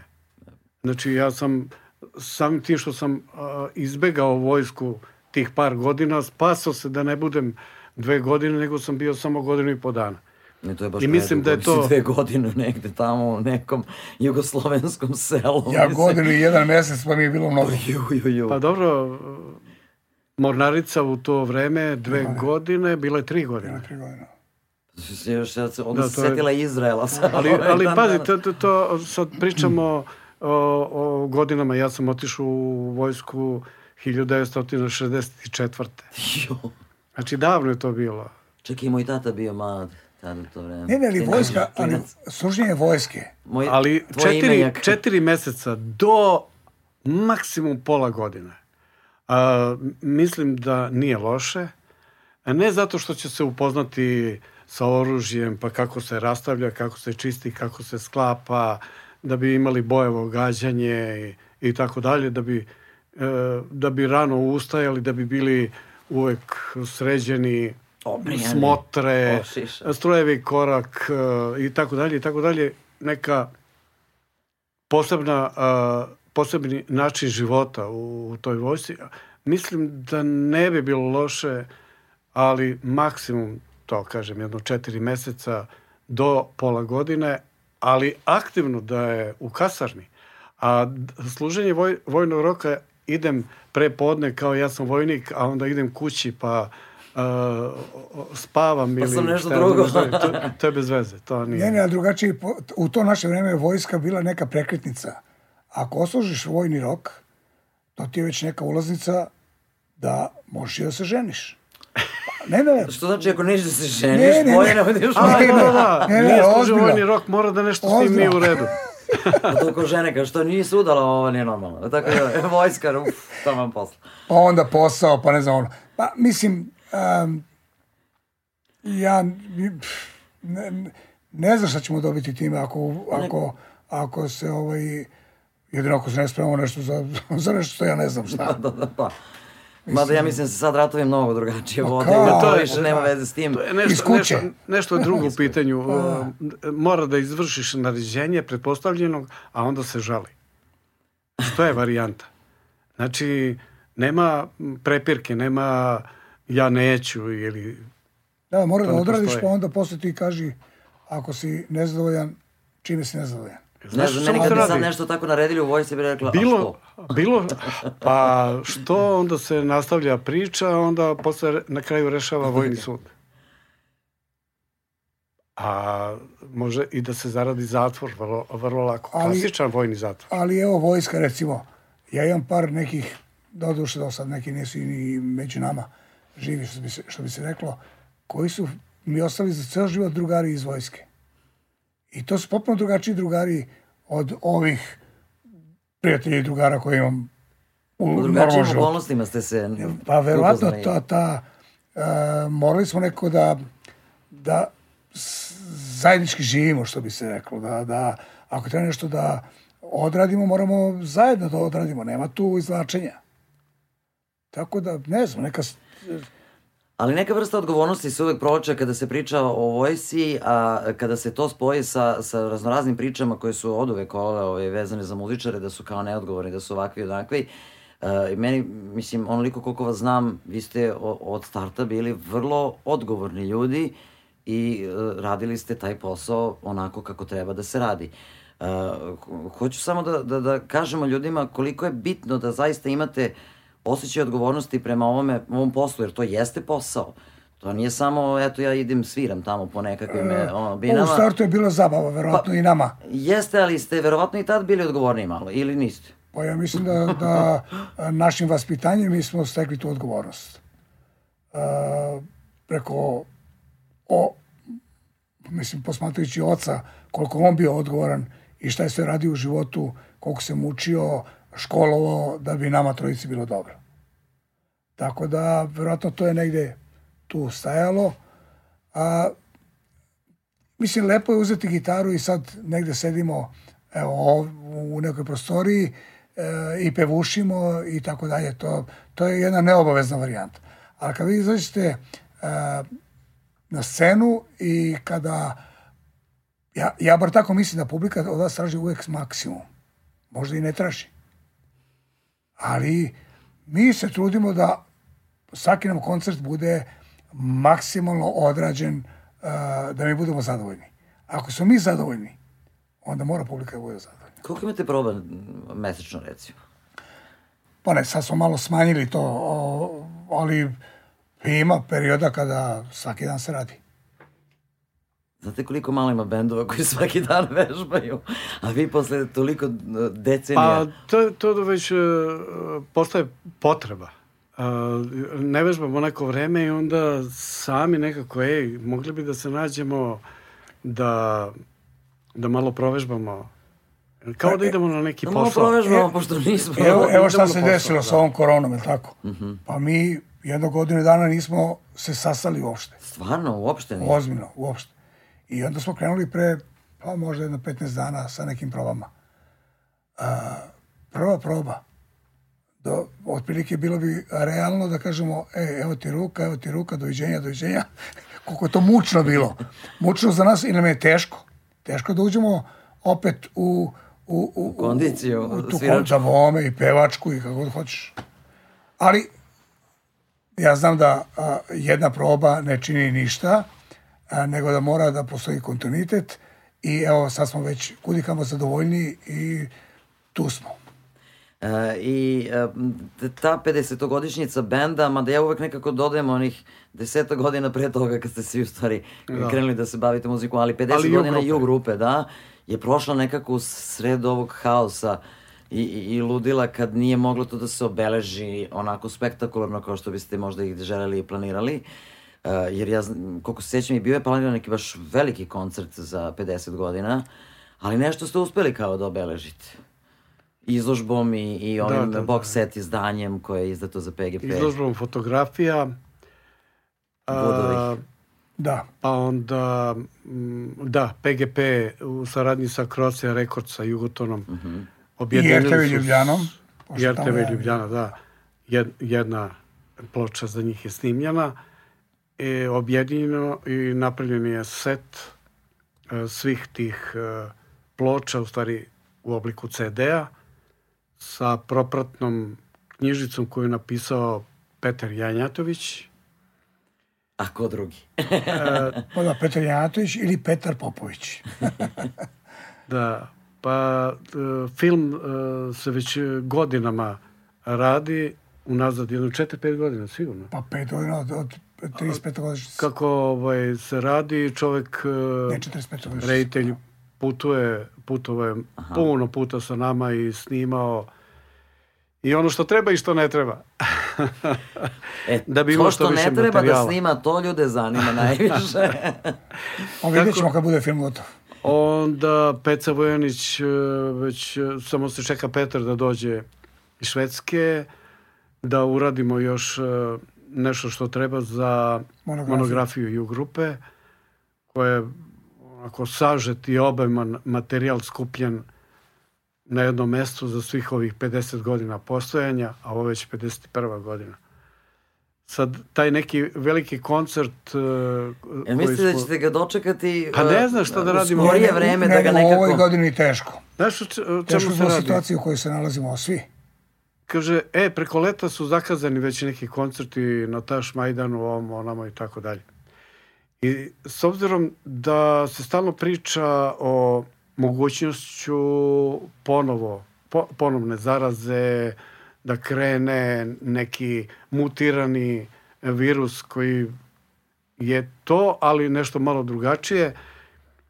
Znači, uloži se vreme, novac u propagandu, u, rad, ono I posle rata to je samo- bilo agitprop, u agitaciju i propagandu. I, ovaj, i, I onda dođe samo neka naredba od ovog eh, kriznog štaba. U stvari, ja ne znam zašto krizni štab. Koja kriza? Nije to nikakva kriza. Kriza, zdravstvena Zdravstvena, kriza. da, Ma da. koja kriza? Kao što je bila samo izolacija, a bio sam u prinudnoj izolaciji. Dobro, Žiki nikad nije kriza, on je čovjek sa još nekoliko života. Ma tako glupo da- mi je krizni štab. To je Da, mišljenje malo, stručnih ljudi. Iako oni kažu nema e, ništa od e, e, javnog okupljanja, onda džaba sve i što se Ne, radilo. veli, taj veliki koncert koji smo mi želeli i, i planirali da ga napravimo, ovaj, a, m, to je zaista velika organizacija. Drugo, finansijski to mora bude a, potpomognuto, Propraćeno. što bi se reklo, ili propraćeno. A, u, u, u ovoj atmosferi u kojoj se sad nalazimo, nesigurnosti, ne možemo to da odradimo. Kad se budu stekli uslovi, kako to političari kažu, onda će... A da ja mislim da bi sad nekako bilo čudno, jer ima još uvek ljudi koji su prilično onako zastrašeni od cele ove situacije. Pa jeste, To je da. pitanje koliko bi ljudi to prihvatili, a koncert je najbolji onakav kakvi su bili koncerti e, u onom momentu kada smo svi bili zdravi, jel te? Ja imam utisak sad i kad biste mogli da organizujete veliki koncert, to bi sve bilo sa nekim... Pa smešno, na primjer, Čudnim- otvoren prostor, Taš Majdan prima 10-11 hiljada, ne znam koliko prima ljudi i Sme da po bude. nekim uredbama, 50%. naredbama, na primjer, možda stane samo 3 hiljade, možda dođe 3 hiljade ljudi. I sad, u onolikom stadionu i sad sviraš e, za koga? A dobro, opet je neka publika, ako ništa. Pa ne, ne, Da, ne, ali ne za tu vrstu koncerta... sve je okej, ali za tih- loš je osjećaj. Ako 50 nas godina. zdravlje posluži, mi ćemo to Hoće. odraditi. Jer da smo Hoće krenuli, sigurno. Tako je. da smo krenuli sada, pa smo navikli na situaciju, onda bi baš bilo briga. Ali mi smo... a, Zato ćete vi da svirate po Zemunu. I što je meni nekako drago, vi u komšiluku. A gde u? U Zemunu, u festu i to. A, pa, ja mislim, krajem, e, krajem e, Juna. šestog meseca. Krajem juna. Posle Kraj onih, kraj neće juna, biti da. sad... pa ne, ču, ne, čuli smo 21. da će biti otprilike otvoreno Mhm. što šta, o, oslo, da ćemo biti oslobođeni ovih a, zabrana i onda smo rešili da to bude zadnja nedelja juna meseca. Biće, ja mislim, petak ili subote, ne mogu sad tačno. Mislim 26. da je. Sad ovako, malte ne lično i personalno kao neko ko radi u tom festu da vas pitam, šta ste čekali toliko dugo, tek ste pre koliko, dve, tri godine prvi put Za svirali svirali u festu. Pa mi smo često u festu ovako. A je, znam, naročito on. Pa, da, Žika inventar tamo. Mene kad vidi, o, i ti si došao. Pa, šta znam, ja, ja, to je meni e, jedan od redko dobrih klubova, ali e, rokerskih klubova, gde se e, sluša jako dobra muzika. E, ne samo rock and roll, nego i neki drugi muzički pravci. I mnogo grupa na proputovanjima, na nekim turnejama ili da. slučajno se zadese u Beogradu, pa op, evo ih u, u festu. Tako da... I to je klub koji postoji skoro 30 godina, što Da, da, je da. fascinantno. Čini Naj, naj, da. pa jedan od e, najpoznatijih e, Eto, klubova, zemunski a- marki. Zemljski ali- marke, pa ja kažem. To Zemun ima. CBGB. Eto, u Zemunu se nalazi taj fest. Da, da, u Zemunu. Znate gdje je Zemun? Šta ima još osim tog festa u To, Zemunu? to otprilike, ja možda sa tri skoka i dva koraka sam na festu, a Žika malo dalje. Meni najinteresantnije kad uh, uh, sad pominjemo to kako je on inventar tamo, E, Žiku, kad god neko e, pita, jel možeš samo da dođeš da svratiš na svirku, dođi. Možda budeš u žiriju, mogu. Jel može, gde god je po gradu, da li je neka izložba, da li je ovo, da li je ono, a ti On je društveno baš... aktivniji kudi kamalo od mene. Pa ja zato kažem, kako on Možda- moguće on možda- mlađi možda- Drag ima dobru foru. Možda hoće se kandidati za nekog poslanika. Ej, Žiko, aj, ti, mene, mene mrzi to da idem. Ne mogu, zna, Pa ti ne, bolje ja, pričaš ja, to. ja, volim, ja, volim, Aj, ti, ja volim molim da gledam recimo tenis. Volim da gledam futbol. On to ne voli. Pa, A u to vreme se obično tako nešto dešava. Neka utakmica, da li igra Real, da li igra, ne znam, Barsa, da li, mislim, ja ne mogu to da Ti si porodičan ja- čovek, kući, pilo, daljinski i to. Ja- Ovo ja je fudbal- baba, ide tako... Volim, volim. Šunja se, šunja se. Šunja se. Volim sport i futbal isto volim, ali samo kad igra Messi. To.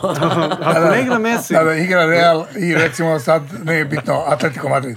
I sad Žika dođe kod mene i kaže, Jeli, šta gledaš? Ako gledam utakmicu.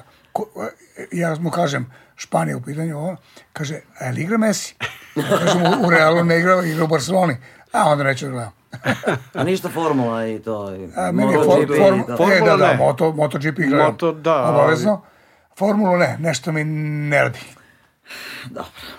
Okej. jeste, op, Ne, ne, jeste ne, jeste to sport, sjajno, da, da, da. ali otprilike prvi koji izađe, redko ko može da ga Može, obiđe. maš, može, maš. Ne, ne, ali strašno zavisi od tima. Drugo, Naravno. drugo toliko je ta komunikacija prisutna između vozača i njih. E, drugo, oni iz, iz onog njihovog centra tehničkog, već ne znam kakvog, oni mogu Oni što šta. da upravljaju Tako je, tako svačim, je, i da. da ga pokvare i da ga e, poboljšaju. A, tako da, Ali mnogo zavisi od vozača, mislim, Slažem se, to pa je... Ti kažeš može, može. Ti kažu kao, ba, Lewis Hamilton je najbolji sad zato što vozi u Mercedesu. Pa nije, ne, ne, ne, ne. svako nije u tom Mercedesu najbolji. Tako je. I Neka- Bottas vozi u Mercedesu, pa tako nije najbolji. je, ne, ne, ne. Kad voze one bolide po Monaku, tamo po onim ulicama. Sad će, da stvari mi ovo Kako? sad, sad Gde da ga obiđe? Pa za dve nedelje Može. otprilike. Ma koje uličice, one bre, nema šanse. Ide u more, odmah pravo. Možda sleti na, neki, Neka ga samo na da neku jahtu. nema veze. Meni je otprilike sam da meni, odem na- meni nije e, interesantna formula, a motori to, to je neverovatno. I za koga navijaš u MotoGP-u? To je neverovatno kako favorit? voze ljudi. Ko ti je favorit u MotoGP? Meni, I obojici kako sad? A, u različite si favorite. pogledala. A, a Žika se pitala. Kao, Žiko, dragi. Ja, ja sam molim, uh, ma ne molim Boga, bilo bi glupo, ali uh, kada se desi da neko padne, odustane, pokvari mu se motor i kad vidim da, uh, da Rossi polako napreduje, to, brate. Pa dobro, ove godine ne ide Rossi, da budem iskren. A, Zašto ne ide, ne znam. Ali a, čudo od čovjeka koga ja ne simpatišem, to je Marquez. Neverovatno, ja moram da mu se divim kako, kako taj čovjek vozi, šta on radi na onom motoru. Ali neka ga zdravlje posluži, pa neka bude i prva kako treba. Pa dobro. Ove, a, ako uopšte možete da zamislite takvu jednu situaciju, s obzirom to da si ceo život sa instrumentima i, i na binama, a, čime biste se bavili da se ne bavite muzikom? Kako su me ovako pogledali šta me pitaš? uh, Ja bih se bavio nekim od zanata. Znači, kojim? pa ja sam probao ovaj, popravka cipela. A, to je zbog ti šimika bilo. A ne, ne, to kasnije. to, to, to te To inspirisalo. probao sam i mislim da bi to moglo jako dobro da radim. Uh, Da budeš obućar. šnajderski I to, zanat, šivenje. Jesi šio ovako šiva? imam, ja imam mašinu a, za šivenje, a probao sam par puta i ide mi to. Ne, ne- ne bi bilo problema. Tako Rekao da, ti šiješ kostime sada. Ne, ne, skraćivali smo pantalone ili ušijemo nešto. Popravka. Da, da, da, da. a, šta bi još, koji bi zanat? Mehaničarski zanat, automehaničarski ili moto, jedini mi je problem bio ranije a, kad sam razmišljao o, o, o, o, o toj vrsti posla, a, prljave ruke i uvlačenje one masti izgorelih ulja i čuda u pore. Međutim, danas se prave tako fine e, dobre rukavice da može i u rukavicama da se, da se radi mehanika. Pa, koji je još zanat? Ne mogu se setiti. Ovo, A Dragi šta bi bio? Šta Neki bi menadžer. Ne, ne, ne, ne, ne, ne, ne, nisam ja, ta- ne, ne, ja nisam tako komunikativan. Žika bi možda m- Ali mogao čak i kao to. najozbiljniji čovjek u tom bendu. Sve imaju svoje, vu- vuče svako svoje, ti mi nekako deluješ kad, je, kad Dragi kaže, to je tako, je li tako? Ili Pa nije? to tako, nije, Nije. to tako. Samo Mo- deluješ Možda, tako. možda deluje, da. Pa dobro, zato što ja, ako, ako sam eh, napravio pesmu i dođem na probu, eh, normalno da moraju da me saslušaju šta ja to hoću. Ako me eh, površno mm, slušaju, onda neće biti dobro. Neće biti, neće biti onako kako sam ja to prilike za- zamislio. E, dešavalo se da po neki put im se ne sviđa to što, je, što sam donao kao pesmu, ali vremenom uh, uh, shvate da je to dobra pesma. Šta bi ja bio u životu? Pa vjerojatno bi bio, meni se sviđa, recimo, vozač bi bio. Ja ceo život obožavam da vozim. Šofer. Šofer. Ali ne, ali ne, ne, ne ljudstvo, ne autobus. Ne. Ali neki kamion dobar. I Vozač sa- i- kamiona i, mehaničar za motore. Kakva Pa kombinacija. eto. I Schneider. I šuster. I da li Pa šta, šuster. i- Nigde, nekako mi- nigde to nema bas gitare. Pa s obzirom da sam išao u saobraćenu školu, da je to već vezano kad je mehanika u pitanju, ne bi bilo...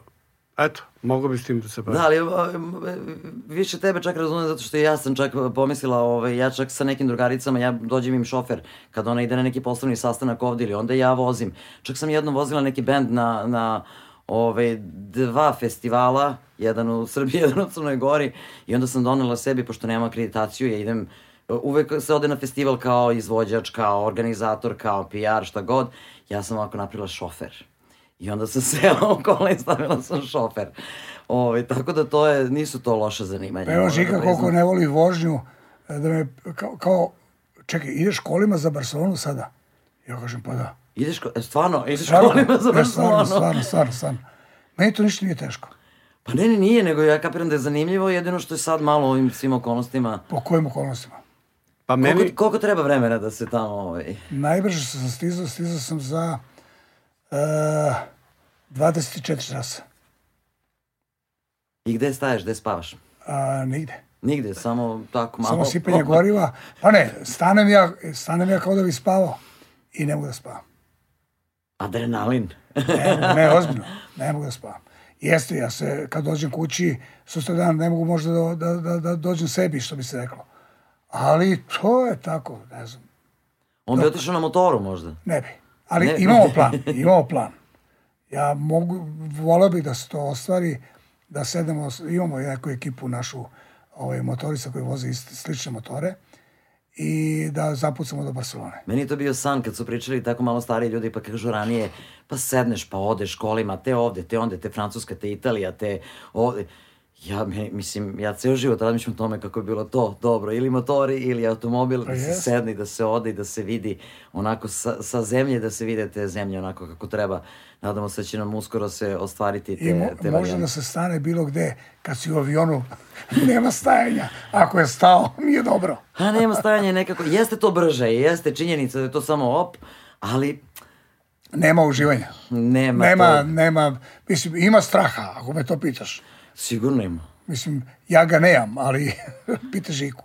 Ali ono, ali dobro, ali prvi put sad, nemaš više straha. pa više ne, ali imao sam, bio sam pogubljen.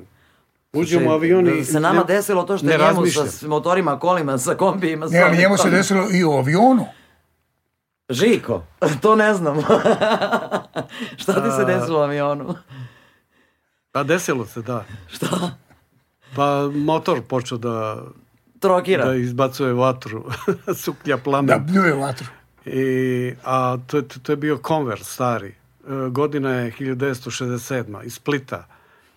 Mi smo svirali na Hvaru, e, srednji brat se ženi, rade, Petrov otac. I oni ostaju da sviraju bez e, bas gitare, a basista na Splitski aerodrom kreće za Beograd da stigne na svadbu. Avion konver e, poleće, kruži malo, pa se vrati na aerodrom, Mi izlazimo kao sve u redu, nema problema.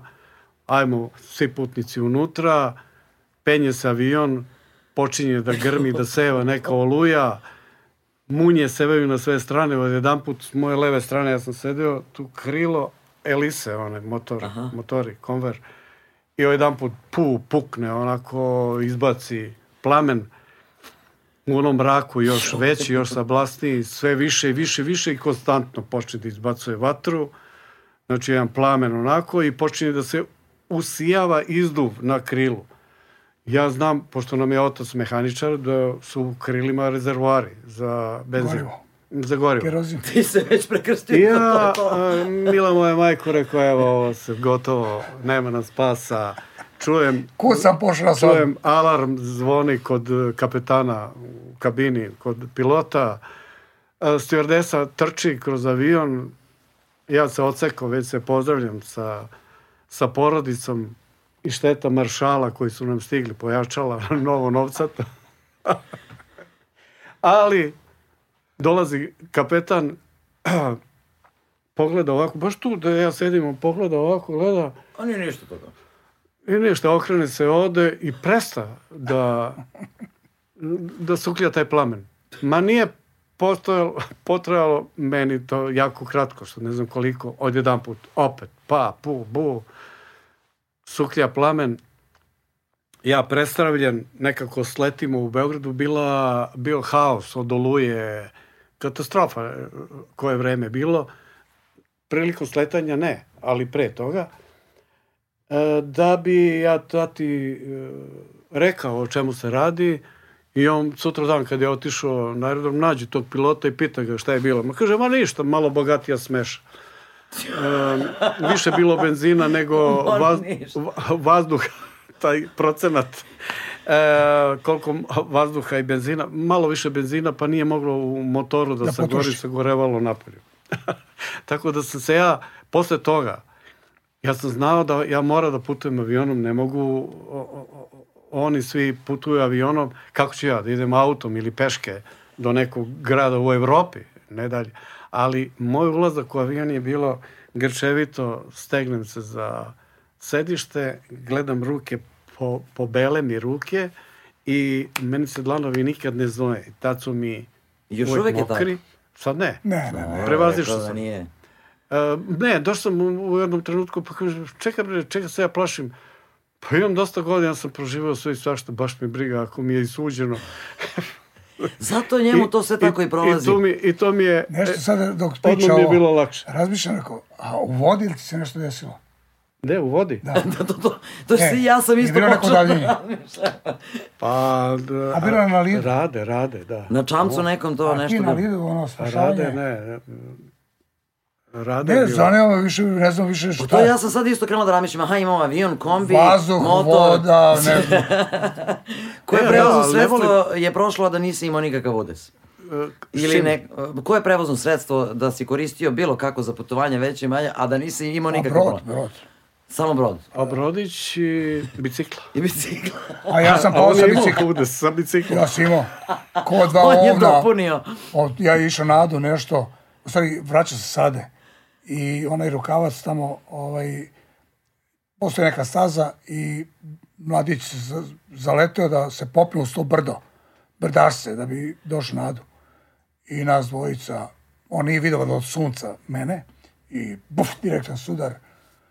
Popada smo, dođeš ljudi, kaže da zovemo hitnu pomoć, ja pogledam, malo ovde prsti oguljeni, rekao, mo, moći da sviram, dobro, ne treba ništa. Samo da su ruke dobro, samo da su ruke Pa da. dobro, Pa definitivno. jesam oguljen, ali dobro. Sve je to normalno.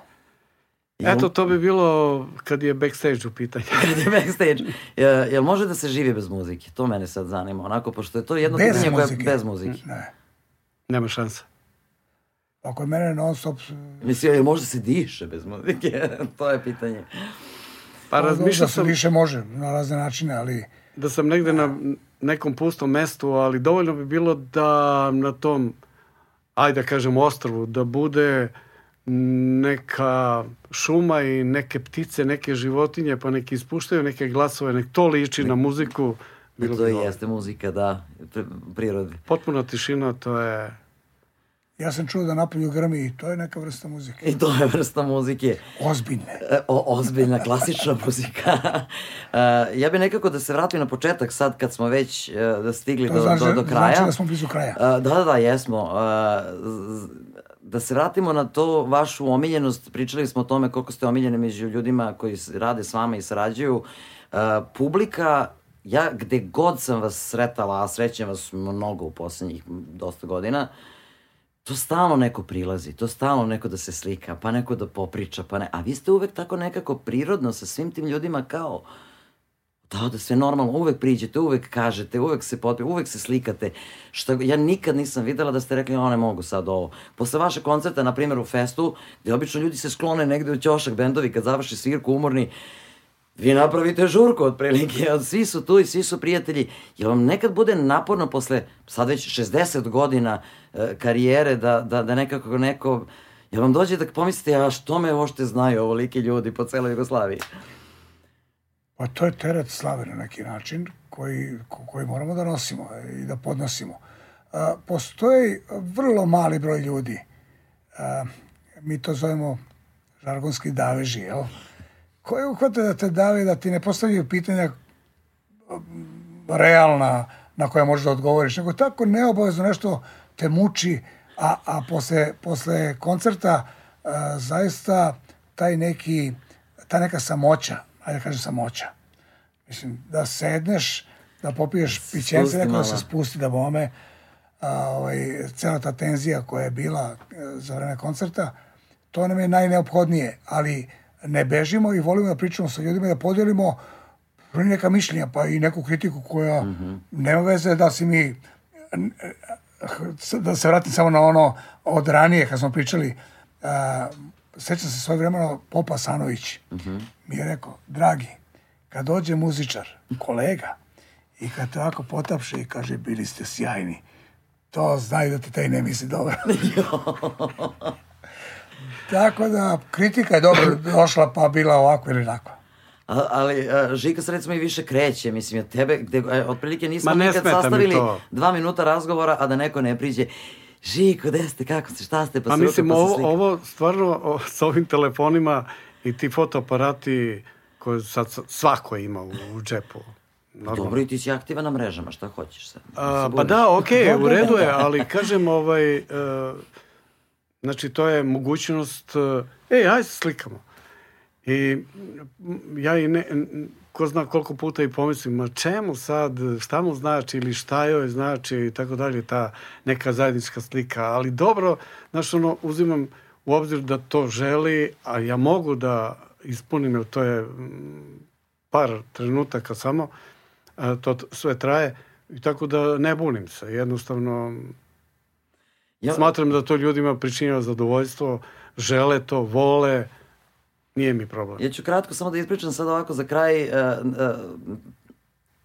pr- primer koliko ste vi u stvari uh, mislim, a s obzirom na to koliko ste zaista veliki i velike Dragi, zvezde, tebi- Okej. I prijetno. mi da mi je vruće O, ne, ovoliko hvaljenje. ne šlitam se, nego zaista mislim. Ali koliko ste negde skromni i normalni, koliko se uh, to vidi, uh, pre, ja sad već ne mogu da setim uh, koliko je to bilo kada je mene moj gitarista pozvao i pitao da, uh, da li sam dobra sa ovima iz U grupe. Ja kažem, zašto? Pa drugar hoće ne, svom ortaku da kupili su mu gitaru da on nešto svira i kao kad bi, pitali su ga ko ima omiljeni kao bend, pa da mu, ako domaći da mu to neko potpiše, ono, pa mi palo na pamet da ti njih možda poznaješ. I ja pozovem Žiku i kažem, je li taka i taka stvar, čoveku za rođendan da mu se potpiše, vi ste se isti dan našli ispred da li vaše ili čije zgrade i potpisali čovek, mislim, to sad ne dajemo ideje ljudima da vas cimaju za to, ali toliko najnormalnija stvar, ja znam mnogo domaćih muzičara koji bi rekli, ja ne mogu, za, ja idem da se nekom potpisujem tamo na gitaru, što je mene to briga. A e, čak nije ni bilo ono pre koncerta ili posle koncerta, pa dobro tu ste, pa ste tu, pa se potpišete. Nego ste se dogovorili da tu ono, se nađete u Zemunu. Da, da. Meni je ta priča fantastična, prosto koliko ste vi uh, normalni prema ljudima koji su vam fanovi i koji sve dok ne dođu oni trenuci kada, ne, kad nam bude teško Jel mislite da će to ikada doći? Ja nekako ja ne znam, ja o tome ne razmišljam Pa ne, ne, pa to kao. Evo, najiskrenije ne razmišljam, kad me, kad me pre dva dana mi je bio rođendan. Hvala. Čestitala sam je. Ovaj, e, hoću da kažem da, da kad me drugi posete koliko imam godina, ja onda kažem da, ali uopšte ne razmišljam o tome. A Ja znam da- subjektivni ja- osjećaj koliko imaš Ne, godina? ja znam, a, moji, Da. Pa ja ne, ja to, ja to samo posma- posmatram kroz, kroz zdravlje. Ako me nešto bolucka, onda... Onda se matar. Onda, onda kažem, čekaj, pa to je normalno za te godine. A generalno se trudim da, da me, i ako me bolucka, da ne obraćam pažnju. Ne mogu da kažem, ne odem kod lekara ako je nešto Naravno. ozbiljnije. Ali generalno, ono, uživam u životu koliko mogu. A, pokušam da skinem ne, neki kilogram. Uspeću, nadam se. Razumem. Jer me razumeš dobro. Razumem. Teško je posle 40 godina, neće kilogrami nikako. Ne, o, majko. Tako da, tako da ne razmišljam o godinama, zaista. A, godine, a o čemu to Subjektivno, pričate? koliko ima A o Žika čemu to godina? pričate? 20 i neku. A, kakve? A misliš kako se ponaša? Kaži, kaži, kaži. A to kako se ponaša i kako se osjeća. ja sam i Petru rekla u jednom momentu posle tog koncerta ovaj, u festu, rekao, pa ovo je najmlađi među vama. Čekaj, pa pa jeste. Pa jeste, da. Pa, ja, ja kad sam... Ja nemam nekih e, problema, osim što, kao što kaže Dragi, a i svaki živ čovek, nešto mu smeta, nešto go bolucka, škripi i tako dalje. I ja imam isto tih problema, ali to nisu, a, to nisu, kako da kažem, problemi da bih ja sada prestao i sa šetnjom i sa vožnjom motora i sa biciklom i e, da se bavim muzikom. A bilo bi normalno nekako u mojim godinama da ja tu izađem ispred zgrade i nešto Hraniš se šetam okolo, naokolo, malo No, prošetam, novine ispod ruka. pa da se vratim. Tako Kako te Ali ne gledaju? pripadam. Kako to vi iz tvoje generacije, to mene zanima. Ne pripadam mene, toj- I dan danas moja generacija mene nekad ovako pogleda, pa ko vidi ova tetovaža, vidi ova, šta to od muzika, šta ti... Ja mogu misliti kako gledaju nekad vas, ovi ljudi iz vaših generacija, A, ba, onda uopšte ne razmišljam o tome. I- a oni razmišljaju... Neka "Vidi, posmatraju, ne, neka Često mi, se, često mi se dešava, pošto o, kupujemo normalno na zemunskoj pijaci. A, I volim da odem na pijacu. I često mi se dešava da neko kupuje, recimo, i sad pričamo tako, o, o, on, varijanta, on zna ko sam, ali ne zna koliko imam godina i tako dalje. A ja kažem u startu, po, pogledajući čoveka, kažem, ja sam stariji od vas. Iako on zaista deluje jedno deset godina stariji od mene. Ali zbog načina života, pre svega, verovatno, i Pa tu postoji onaj mentalni sklop i fizički i ne znam, eto, I čime se zbog bavi ljubavi čovjek. prema onome što radi. Tako je, tako je, tako I je. genetika, a i ne bavi se rock'n'rollom, bavi se Tako, tako da, zemljoradnjom. tako da uh, uglavnom one pro- prodavačice me zovu uh, dečko šta nam treba. Dečko, dečko. A, A meni prija to dečko. A meni, a meni kao, o, dragi, gde si, dragi? pa kad imate iste frizure, Ili- brade, ili meni to pa ne. Očešaj se na drugu A ja stranu. kažem, E- ej, dragi, e, ovaj, čovjek je mislio da, da sam ovaj, ja. Pa i šta si mu rekao? Pa ništa, šta? Šta, to je, u redu je, u redu je. Ali najviše mi prija ono, ej, bio ti je brat. A onda znači bio je da kupuje, ima šta da ruče, dobre. Dobro, kako imamo poruku ovako za kraj nekakvu za, za ove ljude koji nas gledaju sada? Ja samo mogu da kažem, pre svega da su svi, živi, da su svi zdravi i živi i da pokušaju da uživaju u svom životu, jer život je uh, realno kratak. Da. Pa samo to, ako mogu nekako sa njihovog stanovišta sve, e, što kvalitetnije da provedu svoj Svaki dan. život Tako je.